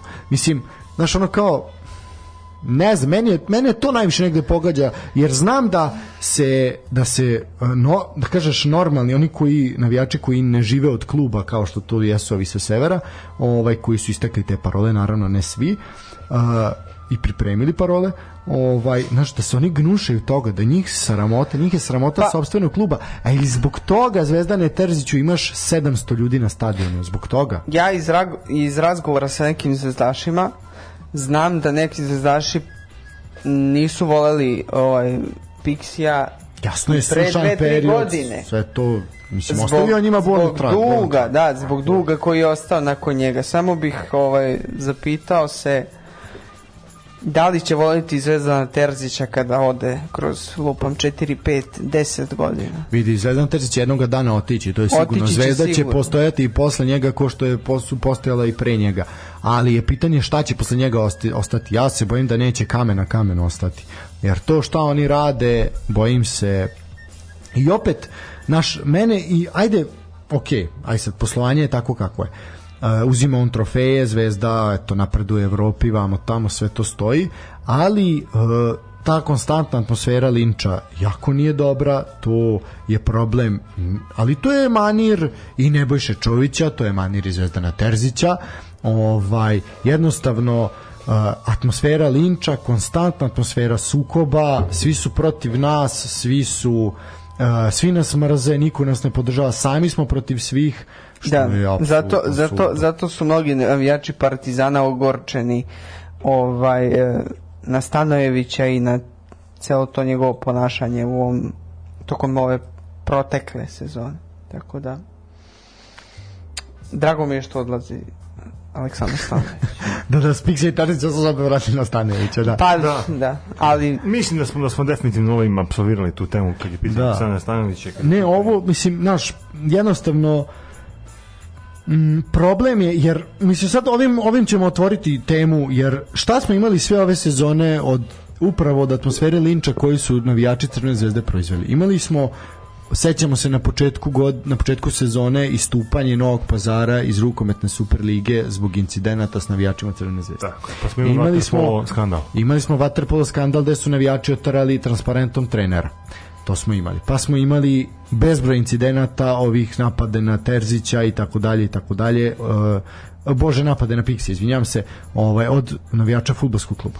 Pa smo imali onaj transparent sramni za ratove i za ono sve i to isto Gipi sa Chance, to isto poprilično, poprilično sramotno bilo. I na kraju kao šlag na tortu sinoć je došao na incident u Pioniru na eto drugoj utakmici finalne košarkaške serije. Ja pretpostavljam da ste to svi svi videli. Ovaj došlo do napada navijača Crvene zvezde na igrače Partizana. Svaka čast Dejanu Radonjiću, svaka čast svakom igraču Crvene zvezde koji je prišao da zaštiti igrače Partizana i koji je prišao publici i molio da se smire i da ne divljaju. Zaista svaka čast.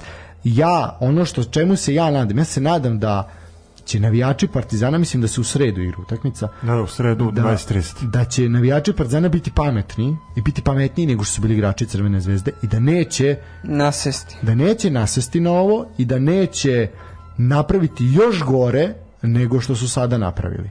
Nego što su napravili navijači Crvene zvezde. Znači, podržite vaš klub, vaše momke, nemojte, ali nemojte napadati to, je, to, je, to je van svake pazi, mi nekog molimo da ne napada igrača, nemojte to raditi. Navijajte za svoje, time pokažite klasu, nemojte nasesti na ovu provokaciju.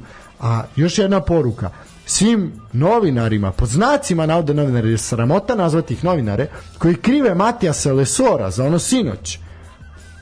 Znači, ono, bolje da rekao bih, ali ajde neću. Zamoljen sam da ne psujem u programu, tako Bolje da kafu. ovaj da, ne, znači sramite se, sramite se i bacite tu olovku ili tu taj laptop na kom kucate i nazivate sebe novinarima jer je to zaista sramotno.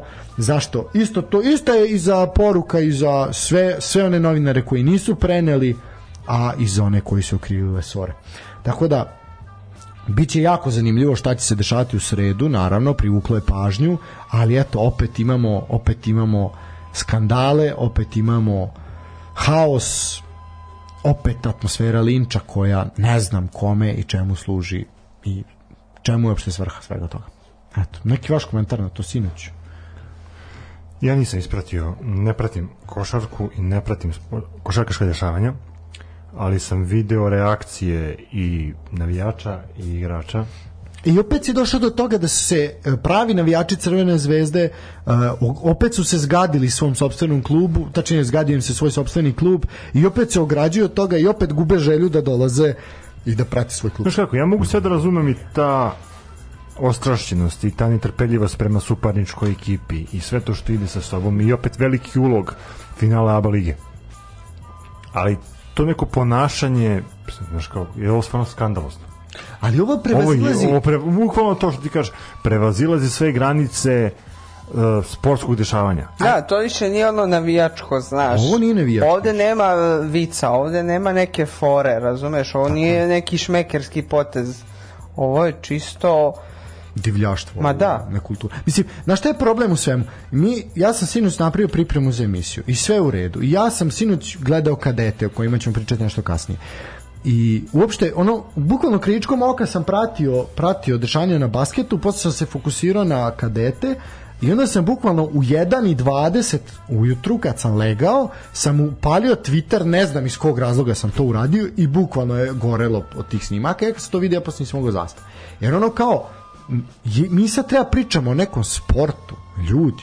Pa ovo po milioniti put ove godine. Ovo nije sport, prevazila ovo, sport. nije, ovo čak nije ni neko navijačko prepucavanje. Navijačko prepucavanje je kad e, navijači Evertona naprave lažnu turističku agenciju i prodaju lažne pakete aranžmane navijačima Liverpoola i ostave ih da, da vise na nekom francuskom autoputu celo, za celo je popodne. To je navijačko Tako je. prepucavanje. Navijačko Ovo, prepucavanje je što su navijači Dinama obojili Splitsku rivo u plavo, pustili dimove, jer dali su, ne znam se to isprati, dali su letke prolaznicima koji su šetali rivom, kao povucite uh, onu paklicu od, za, od dima, kao za hajduk i svi u isto vreme da povuku. I oni kad su povukli, ono je izašao plavi dim u bojama Dinama, ovi se razbežali, razumeš? A to je, to je fazon, to je fora, fazon, da. to je fora. A ovo, ovo je čisto lečenje nekih frustracija, divljanje, mm, ne znam, nema smisla, ne znam, takvi ljudi ovaj, shvate, shvate to, shvatit će, nadam se, to jednog dana, ali Hoće kurac. nema tu, nema tu jednostavno, to, to nije zapravo navijanje, to nije kako se voli svoj klub i to je jednostavno to iz nekih ličnih razloga, liče, e, lečenje nekih ličnih frustracija i nemam šta više da dodam na tu temu. Ružno je i ne bi trebalo da se dešava i sad njima to služi na čast i to je. Mislim, znaš kako, ono nesavršenost ovog našeg srpsko-hrvatskog jezika je takva što se ovo sve naziva navijačima, a zapravo je to drug Englez jako lepo definisao. Imaš fana, imaš suportera i imaš ultrasa. Neki od nas ovde su fanovi, neki su suporteri, ali zna se šta su ultrasi. A, Huligani. Crtica huligani. A, oni koji učestvuju aktivno u navijačkom životu, a ovo je huligansko ponašanje. Znači, ja opet apelujem, nemojte svaki huliganski izgled navijat, nazivati navijačima, jer postoji velika razlika u definiciji šta su navijači, šta su huligani. Ko ne zna, neka malo pročita sociološke ovaj radove na tu temu, ovaj pa će pa će se edukovati. Ja moram on ti si spomenuo policiju. E, ja moram isto to ovaj E, onda se ljudi pitaju zašto je policija takva kakva jeste, zašto postoji iracionalni strah od dolaska publike na stadion, zašto je policija tako besna, gruba i ovaj nadrndana da tako kažemo i zašto odmah kreće ti izbije zube, a ne da ti pomogne, e pa upravo zbog ovoga.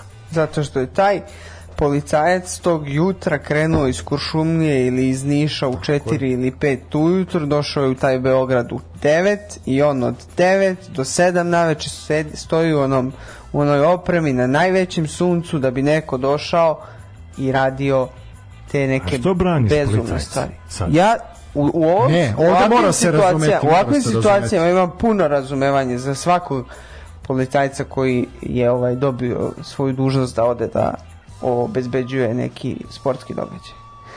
Jer tim ljudima, ovaj, mislim, normalno nisu ni oni cvećke, ali, ali e, u ovakvim situacijama ja moram da razumem te ljude i zbog čega ovaj, vi jednog žandarma kad idete na utakmicu nije pametno odgledati u oči.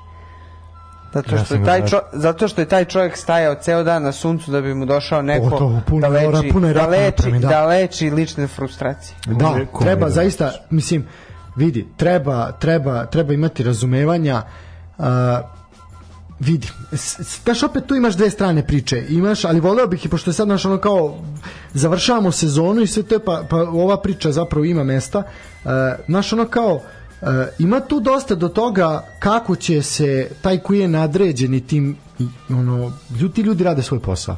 Ovaj njemu je Ne, posao oni, oni samo izrašavaju naređenja, ništa tako više. je, tako je.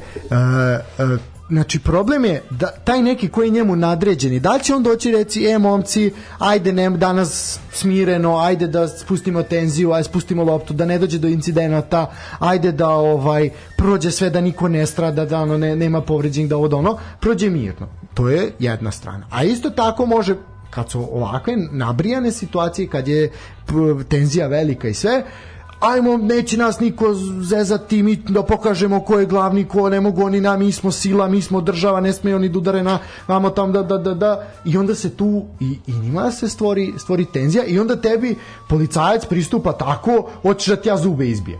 A et, znaš, tu je, tu je malo, malo pre... To je apropo priča ove vaše o, o derbiju i uopšte, e, kao, ja, ja moram, mislim, ja sam imao situaciju o, ove sezone gde e, sam išao sam kolima i u tom periodu se igrala utakmica i policajci stoje na benzinskoj stanici. I mene zaustavlja policajac i pita da li sam ja sa utakmice. Ja kažem nisam. I ja, i on kaže, dobro, izvoli. Iza mene staju momci, da li ste vi sa utakmice? Da, za vas benzinska pumpa ne radi. Zašto? Mislim, jasno je, ali šta sad ne smije da stane natoče gorivo? Naš malo mi je to opet i, imaš tu jednu situaciju, imaš drugu situaciju gde se utakmice koje su e, nebitne, gde nema gostujućih navijača. Zašto je utakmica Partizana iz Radničkog iz Niša proglašena utakmicom visokog rizika? Imao si pet navijača iz Niša. Čemu? Mislim, na, da li je to, šta je, šta je poenta? Zašto se to proglaša? Zašto se diže Mogu ja sad tenzija? da, da, da ispričam ovu situaciju, eto, desila se od prošle nedelje kada su igrale ekipe Mladosti i IMTA, gde neko pustio informaciju da će doći 150 navijača IMTA, Pa neka dođu. I to je došlo- problem, što je u našem futbalu, izvini molim te, što sam upao. To je problem što je u našem futbalu takva vez da će doći 150 Iracionalni navijača strah od navijača. IMT-a, to, je to, što je to neka stvar nenormalna od koje treba da se strepi i ne znam ja, da se nešto organizuje i Strah od navijača. Iracionalni strah od publike na stadionu. Izvini, Ili- Stefan. Da, jeste, pa ne, to sam sad samo nadovezu na to što sam htio da kažem. Znači ti imaš strah koji se uvuče u, u kosti uh, svakom nadređenom policajcu i on kreće. Strah i tenzija. Strah i tenzija. znaš, kao odmah kreće, uh, ne znam, državni udar. 150 navijača državni udar. Opet ti treba nađeš 150 ljudi koji će da, da dođu na stadion. Da bodre suparničku ekipu. Tako da ne, ne znam tu šta, šta da kažem, ono, jednostavno po- ponekad e, organi reda obave svoju funkciju onako kako treba, a nekad su oni izazivači nereda. I opet se vraćam na to, ti ljudi rade samo svoj posao, ali ponekad treba i razmišljati glavom. Mislim da je, što se tiče ove teme vezane za, za navijače u, i za futbal, to, to ja bi da pređemo možda na neke uh, druge teme, Tako eto, je. bile sportske teme, prevashodno. pre sportske. Da, morali smo malo zagaziti ovo, a ja bih sad ovaj pustio jednu pesmu da mi malo oladimo, pa ćemo pričati onda o nekim lepšim, lepšim stvarima. Ajmo jednu pesmu kratku, pa ćemo se vratiti na priču o baražu i o kadetima.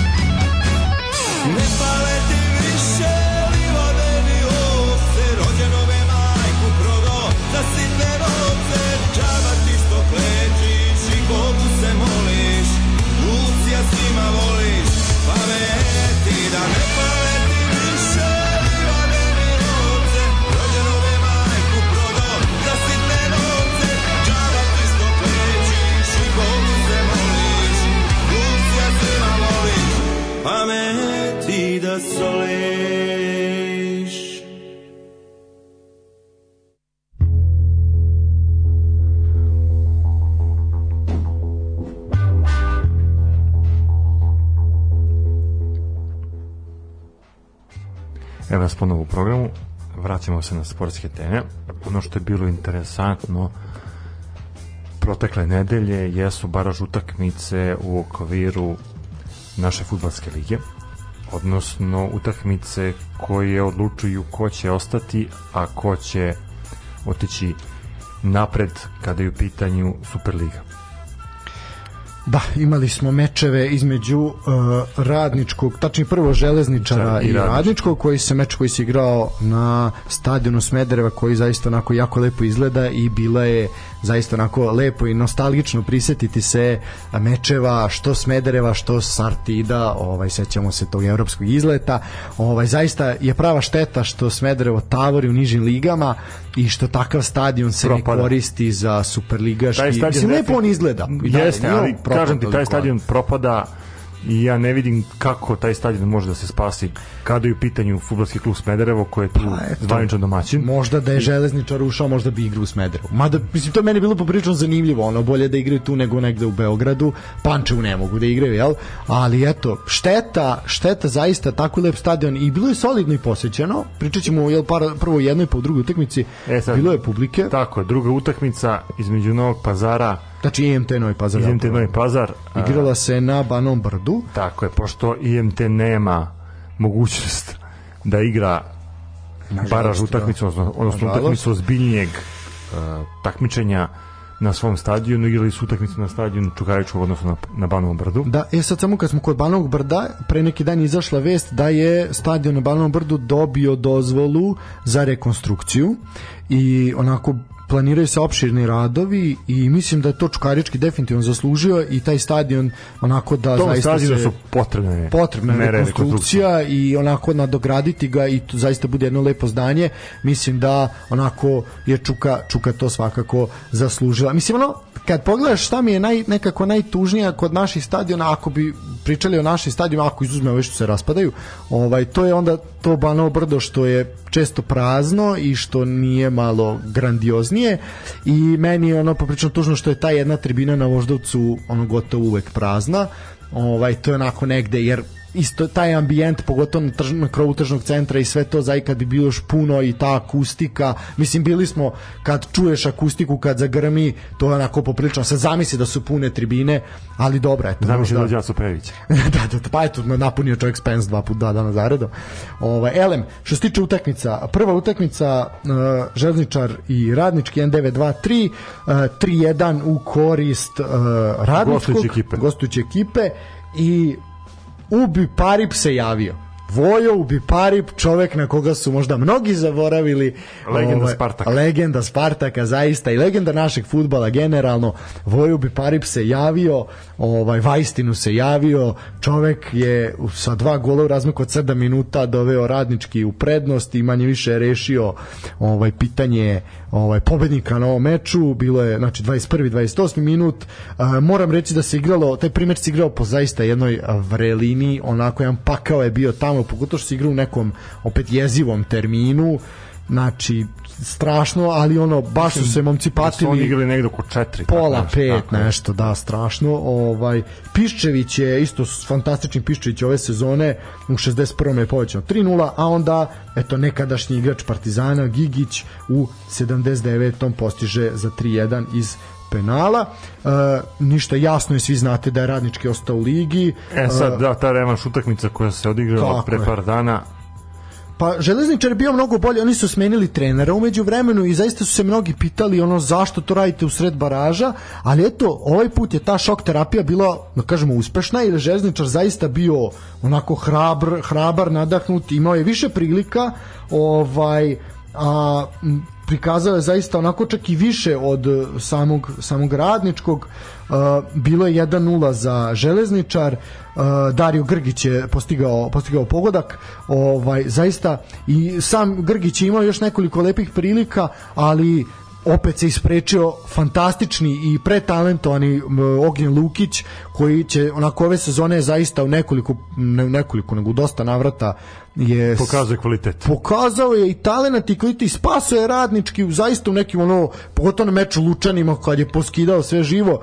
Ovaj zaista od njega očekujemo puno i drago mi je zbog njega što će naredne sezone igrati u e, Superligi Radničkom je definitivno laknulo, e, ali Radnički je u jednom onako teškom periodu e, zaista je problem organizacione prirode i igračkog kadra. E, Ako se nešto ne promeni, Radnički će se i naredne sezone gračevito boriti za opstanak.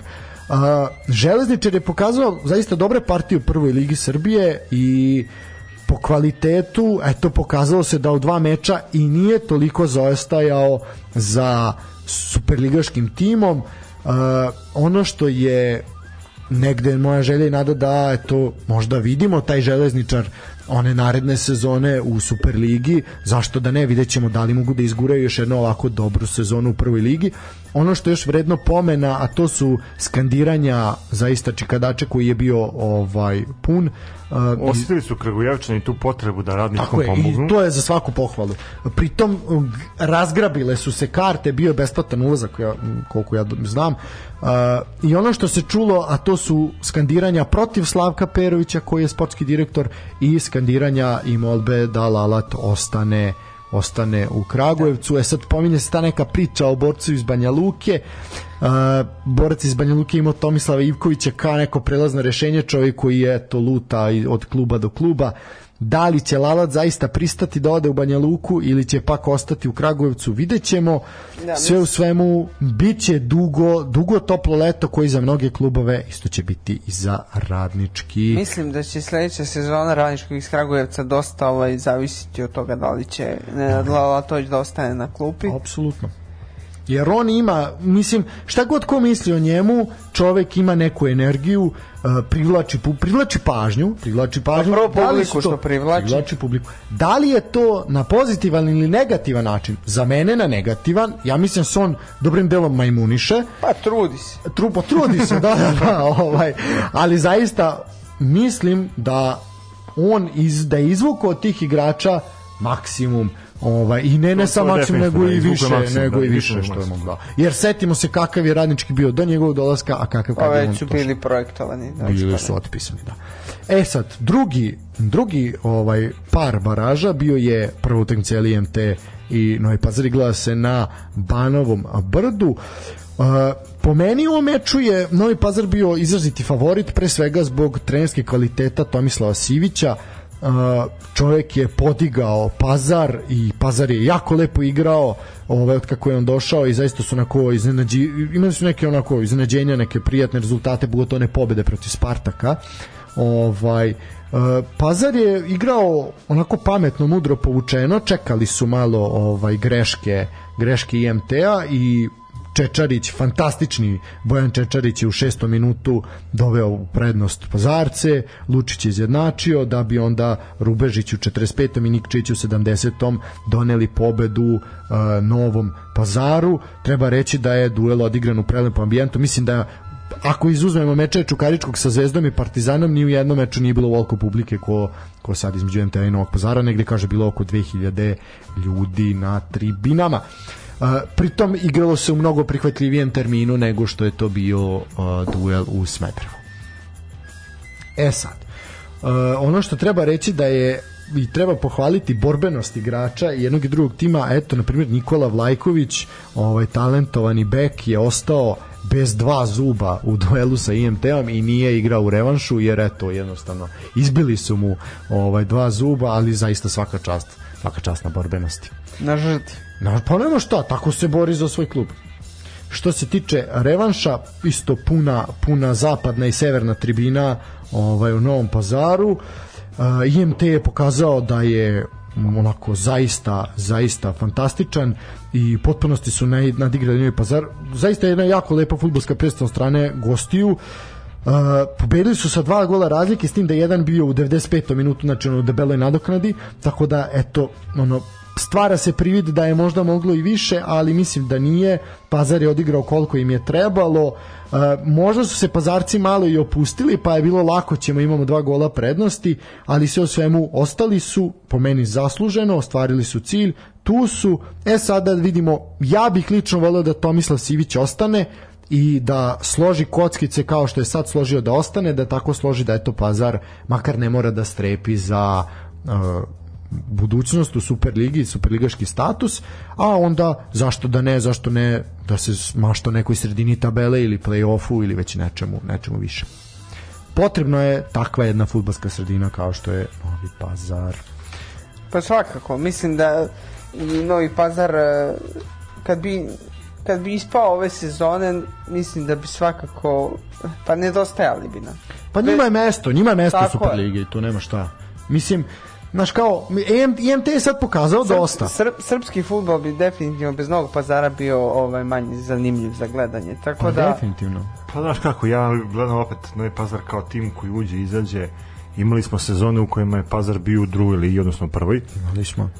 Preživali smo bez njih, tako da mislim da bi mogli da preživimo i, i ponovo.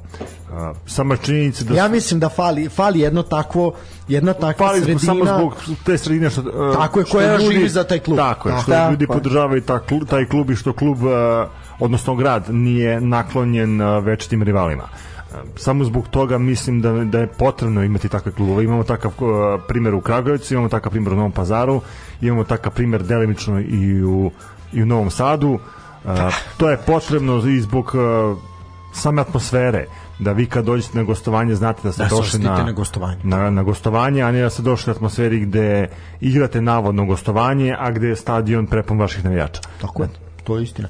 Uh, svako ono što je moja želja Novom pazaru je da, osim što da ne mora da brine naredne sezone za opstanak je negde ta, da se rekonstruiše ta istočna tribina, jer zaista je prava šteta da stadion nije dupke pun, a zaista može da može da mogli bi ići u Novi Pazar sledeći sezon. Ja sam za, mislim da je to jedno onako zanimljivo zanimljivo gostovanje i da takvu futbolsku sredinu definitivno treba treba posetiti. E sad, I, i tre, treba da, da, ono, stvarno, treba otići u Apsolutno. Novi Pazar ne samo zbog Novog Pazara kao grada, Nego već i zbog, zbog- futbala, a i druga stvar, mene stvarno interesuje kako će Stanislava se snađe ovaj u svojim a, vozačkim sposobnostima kroz Sumnjaš malene u um, ulice Novog u? Pazara. Ne sumnjam, u samo i volao da vidimo ovaj Druže. obzirom Ja da znam znam tvoj da- da znam tvoj mentalitet i da znam kako se ponašaš u kolima kada je gužva. Ja znam da su ljudi iz Novog Pazara jako gostoprimljivi. Dobro, sad kada je utakmica ne znam, ali van toga.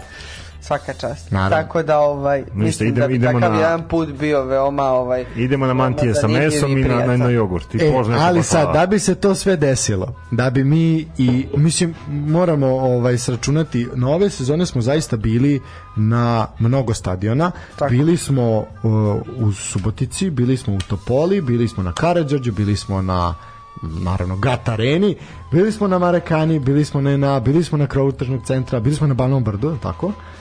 Ti si išao u Lazarevac, Ja sam, ja sam išao danas, mislim danas, ove sezone. Si išao u Lazarevac? Išao sam u Lazarevac, bio sam u Kragujevcu, bio sam u Kruševcu, si bio u Nišu, uh, bio sam u Nišu, nisam bio jedin u Surdulici ove sezone Lučanima, i nisam bio u Lušanima, uh, jesam i bio sam protiv metalca u uh, Milanovcu. da, eto, Trudimo se. E, kad smo kod truda, Da samo nisam završio. Da bi sve ovo bilo i naredne sezone i naredne superligaške sezone koja startuje 9. jula, o tome ćemo sad pričati. Paypal i Patreon, sportski pozdrav. Račun u Erste banci, uh, kakav god drugi način finansiranja, keš na ruke, sve primamo, ovaj, ili Sponzorstvo. sponzorstvo, šta god, kako god želite Ma, da... ma, makar da izradimo ove, ove majice Eto, koje... ovaj, majice, da imamo majice, odlažemo, evo, da imamo promoviramo. reklamni i promičbeni ovaj Da. program e, kako god želite da podržite našu malu emisiju koja raste i razvija se svakog dana nekada se rastemo nekad raz, se rastemo i razvijamo kao da imamo neki hendikep urođeni ali nekad smo zaista za pohvalu e, zato eto trudit ćemo se da naredne sezone posjetimo i Ivanjicu i Novi Pazar i sve nove superligaše ali eto za nam to nam treba malo i financija jer je benzin izuzetno poskupeo E, No- kad smo kod financije i kad smo kod posećivanja, ja bih hteo, eto, pošto smo i dalje na, na terenima prve lige, odnosno prelaska iz prve u Superligu, Ko je? htio bih da kažem jednu jako bitnu informaciju. Futbolski klub Mladost Gat je uputio zvaničan uh, apel i zvaničnu molbu uh, gradonačelniku Milošu Vučeviću da uh, svoje utakmice igra na stadionu Karađorđe, na To ono što stadionu Marine, to da. što smo uh, razgovarali i pričali o tome. Uh, gradonačelnik je u nekim razgovorima izrazio želju da pomogne futbolskom klubu Mladost i sad čekamo njegovo odgovor. Obzirom da se stadion vodi uh, na grad, uh, grad odlučuje da li futbalski klub može da, da se takmiče, da može da, da koristi uh, usluge tog stadiona. To je ono što je negde bilo izočekivati i jasno je da to Pa se- makar prvu polusezonu. Pa makar prvo posledom. Tako je, s obzirom da je Proletar je ispao. Inače, Proletar je dobio podršku mesne zajednice. Mesna zajednica je stala u odbranu Proletera i rekla ne fuziji sa Novim Sadom. Tako da, dugo toplo leto za mnoge naše klubove. Tako i Biće za mnogi gusto. građevinare, pošto je to, da. spomenuo si proletar i tu fuziju sa Novim Sadom, mi igramo taj rekreativni futbal tu blizu stadiona Novog Sada, pa možemo da vidimo da se nešto dešava, radovi su na rekonstrukciju ovog stadiona, kako će on izgledati, to ćemo da vidimo u budućnosti. Naravno. A vidjet ćemo i da li će doći do te famozne fuzije između proletera i Novog Sada. Vidjet ćemo, kuva se, bit će svega. Eto, jedni kažu da, drugi kažu ne. E sad, št, izašla je, da kažemo, zvanična lista i zvanična ovaj sastav uh, Super lige za istorijsku sezonu 2022-2023, a krenimo od severa zemlje, znači učestvovaće Spartak iz Subotice, TSC Bačka Topola, Vojvodina i Mladost Gat kao predstavnici Novog Sada. U Beogradu ćemo imati Crvenu zvezdu, Partizan, Voždovac i Čukarički, Kolubaru iz Lazarevca, Mladost iz Lučana, Radnički iz Kragujevca, Javor iz Ivanjice, Novi Pazar, Napredak iz Kruševca, Radnički iz Niša i Radnik iz Surdulice. U Evropi ćemo pratiti Crvenu zvezdu na stazi jel, šampiona u kvalifikacijama za Ligu šampiona, Partizan u kvalifikacijama za Ligu Evrope, a Čukarički i Radnički iz Niša u kvalifikacijama za Ligu konferencija. Zna se da će od naredne sezone šampion ići direktno u grupnu fazu Lige šampiona, drugi će ići u kvalifikacije, a onda znači imaćemo pet timova u Evropi. Što se tiče početka, preciziran je kalendar takmičenja za novu sezonu i nekog velikog odmora za futbalere nema. Radno leto, jako vruće, rekao smo, najavili smo vruće i toplo leto. Borba za bodove krenut će zaista brže nego ikada, već 9. jula. Nikada naša liga nije počela ovako rano. Neće biti eto čak ni punih dva meseca između posljednje kola i prvog kola ne, naredne takmičarske godine. Znamo da je svetsko prvenstvo u Kataru se odigrao u novembru, prvi put u istoriji ovog takmičenja i uslovio je tumbanja zaista u svim drugim ligama i kupovima širom sveta, pa tako i u Srbiji. Prvenstvo će da se igra do 13. novembra, kada će na programu da bude 19. kolo. Znači, tada se prese, stavi pauza, jel? Prese, presećemo tada. I onda sledi najduža zimska pauza ikada od skoro 3 meseca. Nastavak sledi 4. februara po utvrđenom kalendaru, ali je moguće pomeranje ako bude snega. To se kod nas zaista dešavalo u toku prethodnih godina. Sistem takmičenja se neće menjati, barem za sada, No, dešavalo se da se menja u toku takmičenja. Znači, bit će odigrano 37 kola, kraj je planiran za 27. maj. Termini baraža su 31. maj i 4. jun, a između njih će se odigra finale Kupa Srbije koje će biti zakazano za 3. jun 2023. godine. Uh, Futbolski savez Srbije nije imao ovaj sluha na žalbu Dena Stankovića koji je rekao da bi finale najmasovnijeg takmičenje takmičenje u Srbiji trebalo da se igra pre posljednje kola Super lige. Uh, jednostavno on je uh, on je istakao da eto svuda se finale odigra pre posljednje utakmice u prvenstvu i prvenstvo treba da zatvori sezonu, ali eto na ovim našim balkanskim prostorima to to nije tako. Uh, eto, kažem, zaista istorijska naredna sezona, prvak direktno, vice šampion u kvalifikacijama, a eto čak pet klubova će se boriti za prolaz na međunarodnu scenu. Momci, kako vi vidite narednu sezonu i kako će to sve izgledati po ovom paklu 9. jula? Ovako, ja vidim narednu sezonu kao istorijsku za klub koji sam ja pratio i za koji mi izuzetno vežu lepa sećanja kad je u pitanju ova sezona. Uh, volio bi da vidim kako će taj klub da se snađe, obzirom da eto pričamo o futbolskom klubu Mlado sa satelita, odnosno Novo naselja. Ostaje ta žal da, da Mlado svoje utakmice igra na svom stadionu, već na stadionu Karadžorđe, ali uh, opet uh, to ne bi trebalo da predstavlja neki problem. barem navijačima iz našeg grada da prisustuju futbalskim utakmicama. Uh, Javor se vratio u elitu. To je... Ljuja Javore. Tako je, čuće se ponovo Ljulja Javore. Mene raduje sama činjenica, eto, Javor kao klub koji je dugo godina bio uh, superligaš, uh, klub koji je imao dobrih uh, rezultata kad je u pitanju ovaj rang takmičenja i kao klub koji ima jako zanimljiv marketing uh, I obi ovo Ditu. I još Dito, da vidjet ćemo da Da. će od Dita zaigrati naredne sezone. pa svakako legenda kluba. Ono što me isto još uh, zainteriralo kad je u pitanju eto ova naša liga jeste sama ta činjenica da uh, neki klubovi mora da rade na uh, rekonstrukciji svojih objekata. Uh, tu prevashodno mislimo znači na Čukarički i na Radnički iz Niša kao uh, timove koji su ove godine isto predstavnici uz Partizan i Zvezdu uh, srpskog futbala u Evropi. Uh, Radnički je najavio određene promene, a, mislim da su čak u pregovorima sa novim trenerom, da će doći Aleksandar Veselinović. On je, kao da kažemo, prvi kandidat, jel? Da, da, pregovori su, mislim da, da je ono već tu u fazi a, završetka i potpisivanja ugovora. A, radničkom je potrebna rekonstrukcija stadiona i to je jako dobra stvar. To ono kad smo pričali na, na početku sezone kao gde škripi kad su u pitanju sportski objekti, naveli smo radnički više puta što zbog terena, što zbog samih tribina i meni iskreno rado je početak realizacije nekih građevinskih radova na stadionu Čajer. Čukajički ti si spomenuo već tu je potrebna i rekonstrukcija stadiona u Subotici Definitivno. potrebna je rekonstrukcija stadiona u Lučanima ima dosta terena i terena, i u Lu, mislim baš ako ne ne pričamo samo o objektu nego samo travnete podlozi definitivno Lučani Lazarevac su problem. Vidjet Da ćemo li je nama potreban nacionalni stadion? Ne. ne, to smo više puta pričali Da, Koliko stadion- stadiona bi mogla se renovira od tih para koje bi išli u nacionalni Pa stadion? eto, ali vidiš treba- Loznica dobija stadion.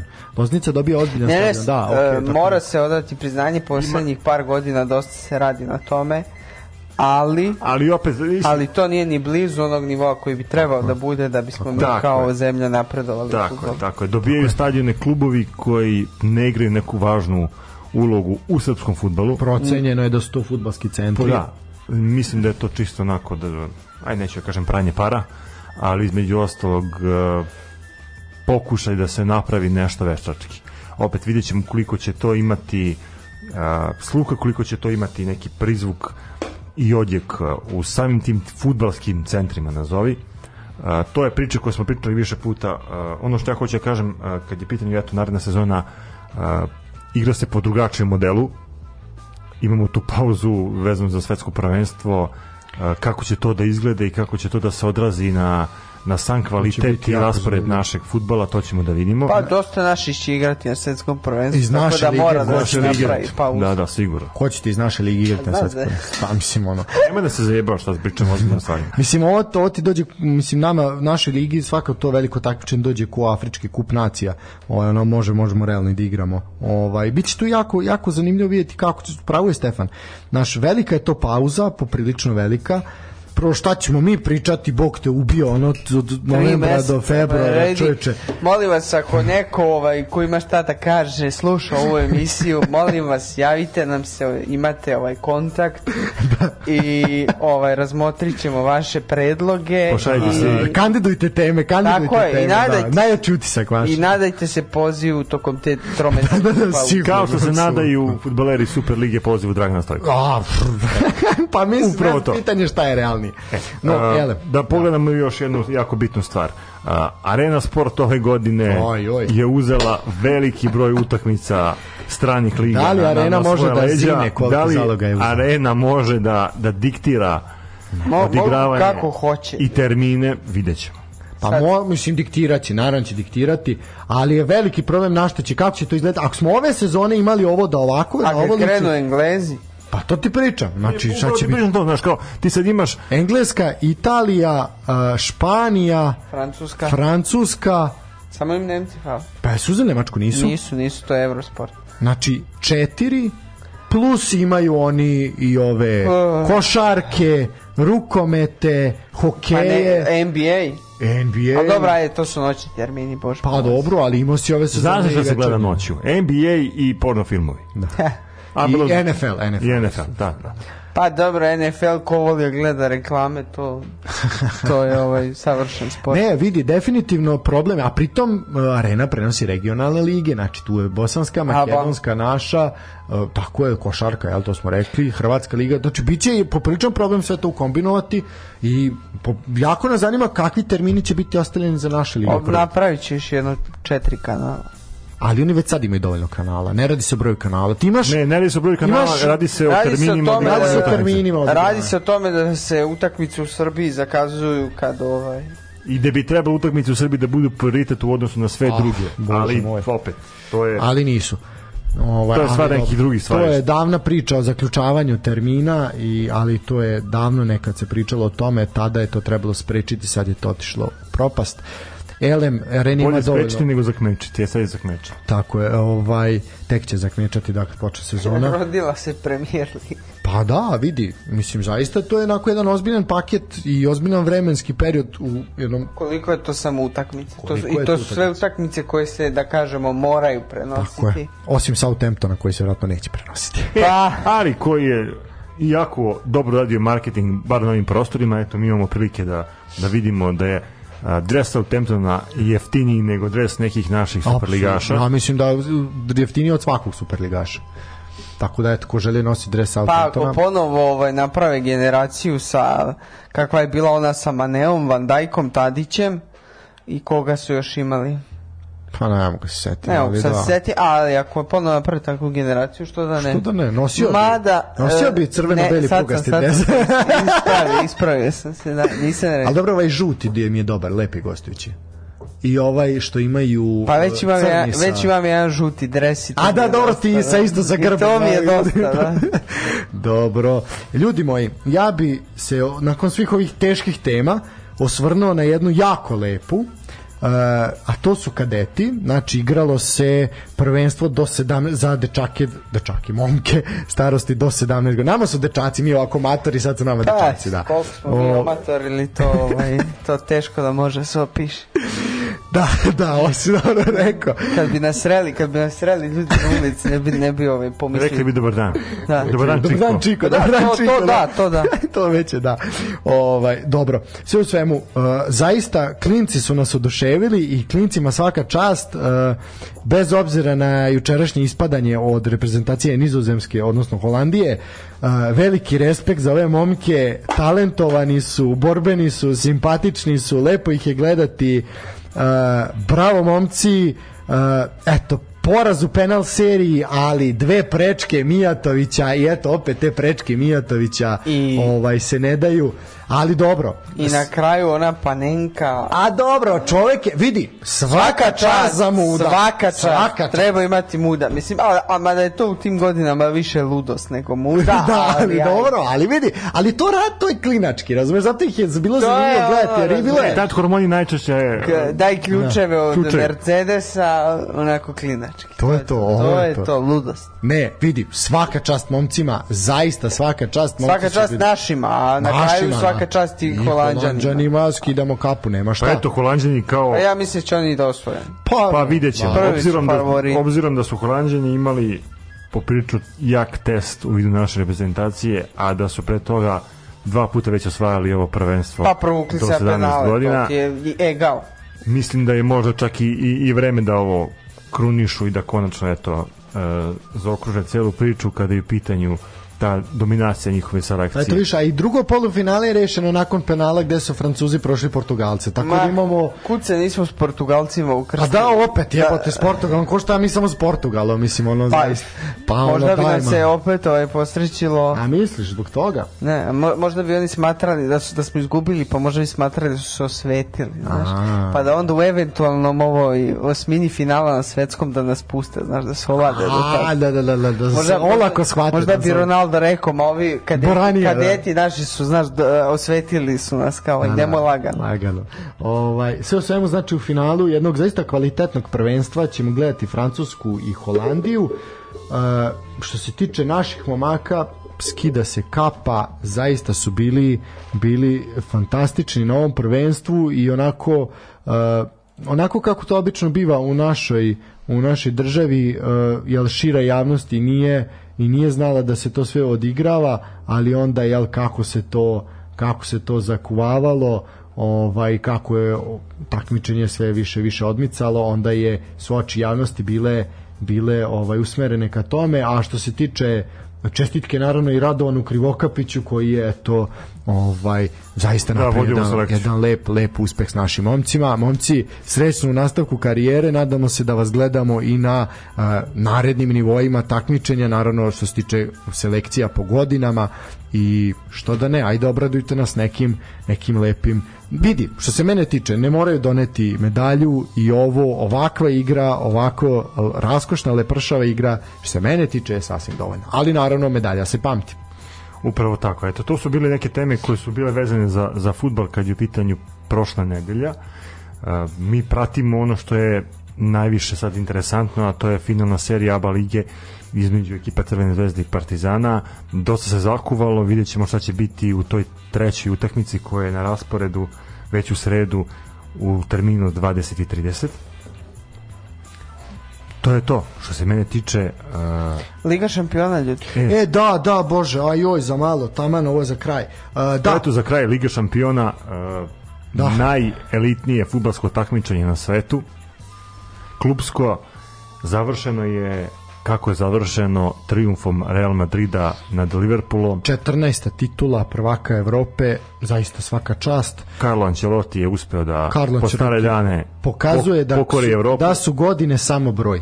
Godine su samo broj, zaista svaka čast. Veliki Ja sam Carlo. na- navijao za Liverpool i gledao sam utakmicu sa dvojicom e, nesnosnih madridista iz Sremske Mitrovice i ovaj Čekaj, da li znamo jednog od njih? e, pa si sa Živanom gledao? Ne, ne, pa kak, jo, šta, sa Živan ti djeluje kao neko ko ne za Real Madrid, ne. Pa ne pitam. Ne, ne, ovaj, Uroš Jović i, i Uroš Kljajić, tako da ovaj... E,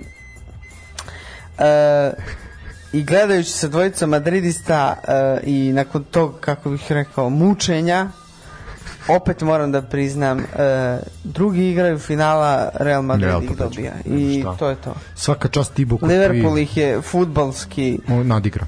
Nadigrao, Ali Courtois. ali Courtois, eto, šta reći? Meni je posebno drago što je Vinicius Junior krunisao zaista jednu lepu sezonu pogotkom. To mi je posebno drago. Uh, svaka čast za Kurtovu, Kurtova je bio fantastičan i onakvom predstavom će zaista mnogo malih dečaka i devojčica poželeti da stanu na gol, da ne budu samo ono posljednji sam izabran pa ću stati na gol. A sad nego želim devojčica da ne znam koliko, pošto Courtois i nije neki lepotan, ali... Ne ovaj, mislim to, nisam mislio Ali na lepotu nego zbog, nego zbog golova, nego zbog Ali jeste branjenja. Milan Borjan. Dobro, eto. E, što se Sneži tiče... je najlepši. Ovaj, što se tiče samog gledanja finala, sportski pozdrav je bio gost na Belom dvoru. Hvala Heinikenu, hvala Pub Kvizu koji su nas odveli tamo. Zaista je sve bilo prelepo organizovano, fantastično je sve funkcionisalo u lepom ambijentu sa a, legendom i zaista ta ovacija koju je pokupio Dika Stojanović kad, kad je se pojavio tamo, kad je ušao je nešto što je onako sve nas natralo malo da se naježimo. Zato je jedna legenda i čovjek eto koji je imao tu čast da podigne taj trofej i na tome zaista onako I da gleda kako se pišu taj trofej. i bilo je i toga. Ova, e sad, u suštini uh, svaka čast na organizaciji bilo je jako lepo, mi smo uživali uh, nadamo se da ćemo biti deo toga i naredne godine hvala Heineken još jedan put, hvala popkvizu.rs koji su nam to omogućili i idemo dalje, sezona je gotova možda ćemo malo odmoriti danuti dušom, pa se i mi borimo zajedno s našim superligašima u novoj sezoni To bi bilo to za večerašnje izdanje sportskog pozdrava. Vi pratite sportsko dešavanja koje smo najavili, odnosno finalnu seriju ABA lige između ekipa Crvene zvezde i Partizana. Mi ćemo u narednom periodu više pažnje posvetiti tim nekim drugim sportovima, a ne futbolu, obzirom da smo sa futbolom završili za ovu sezonu. E, to bi bilo to za večerašnje izdanje. Hvala, vam na slušanju. Do sledećeg pozdrava. Sportski pozdrav. Sportski postav. Hvala vam i slušamo se.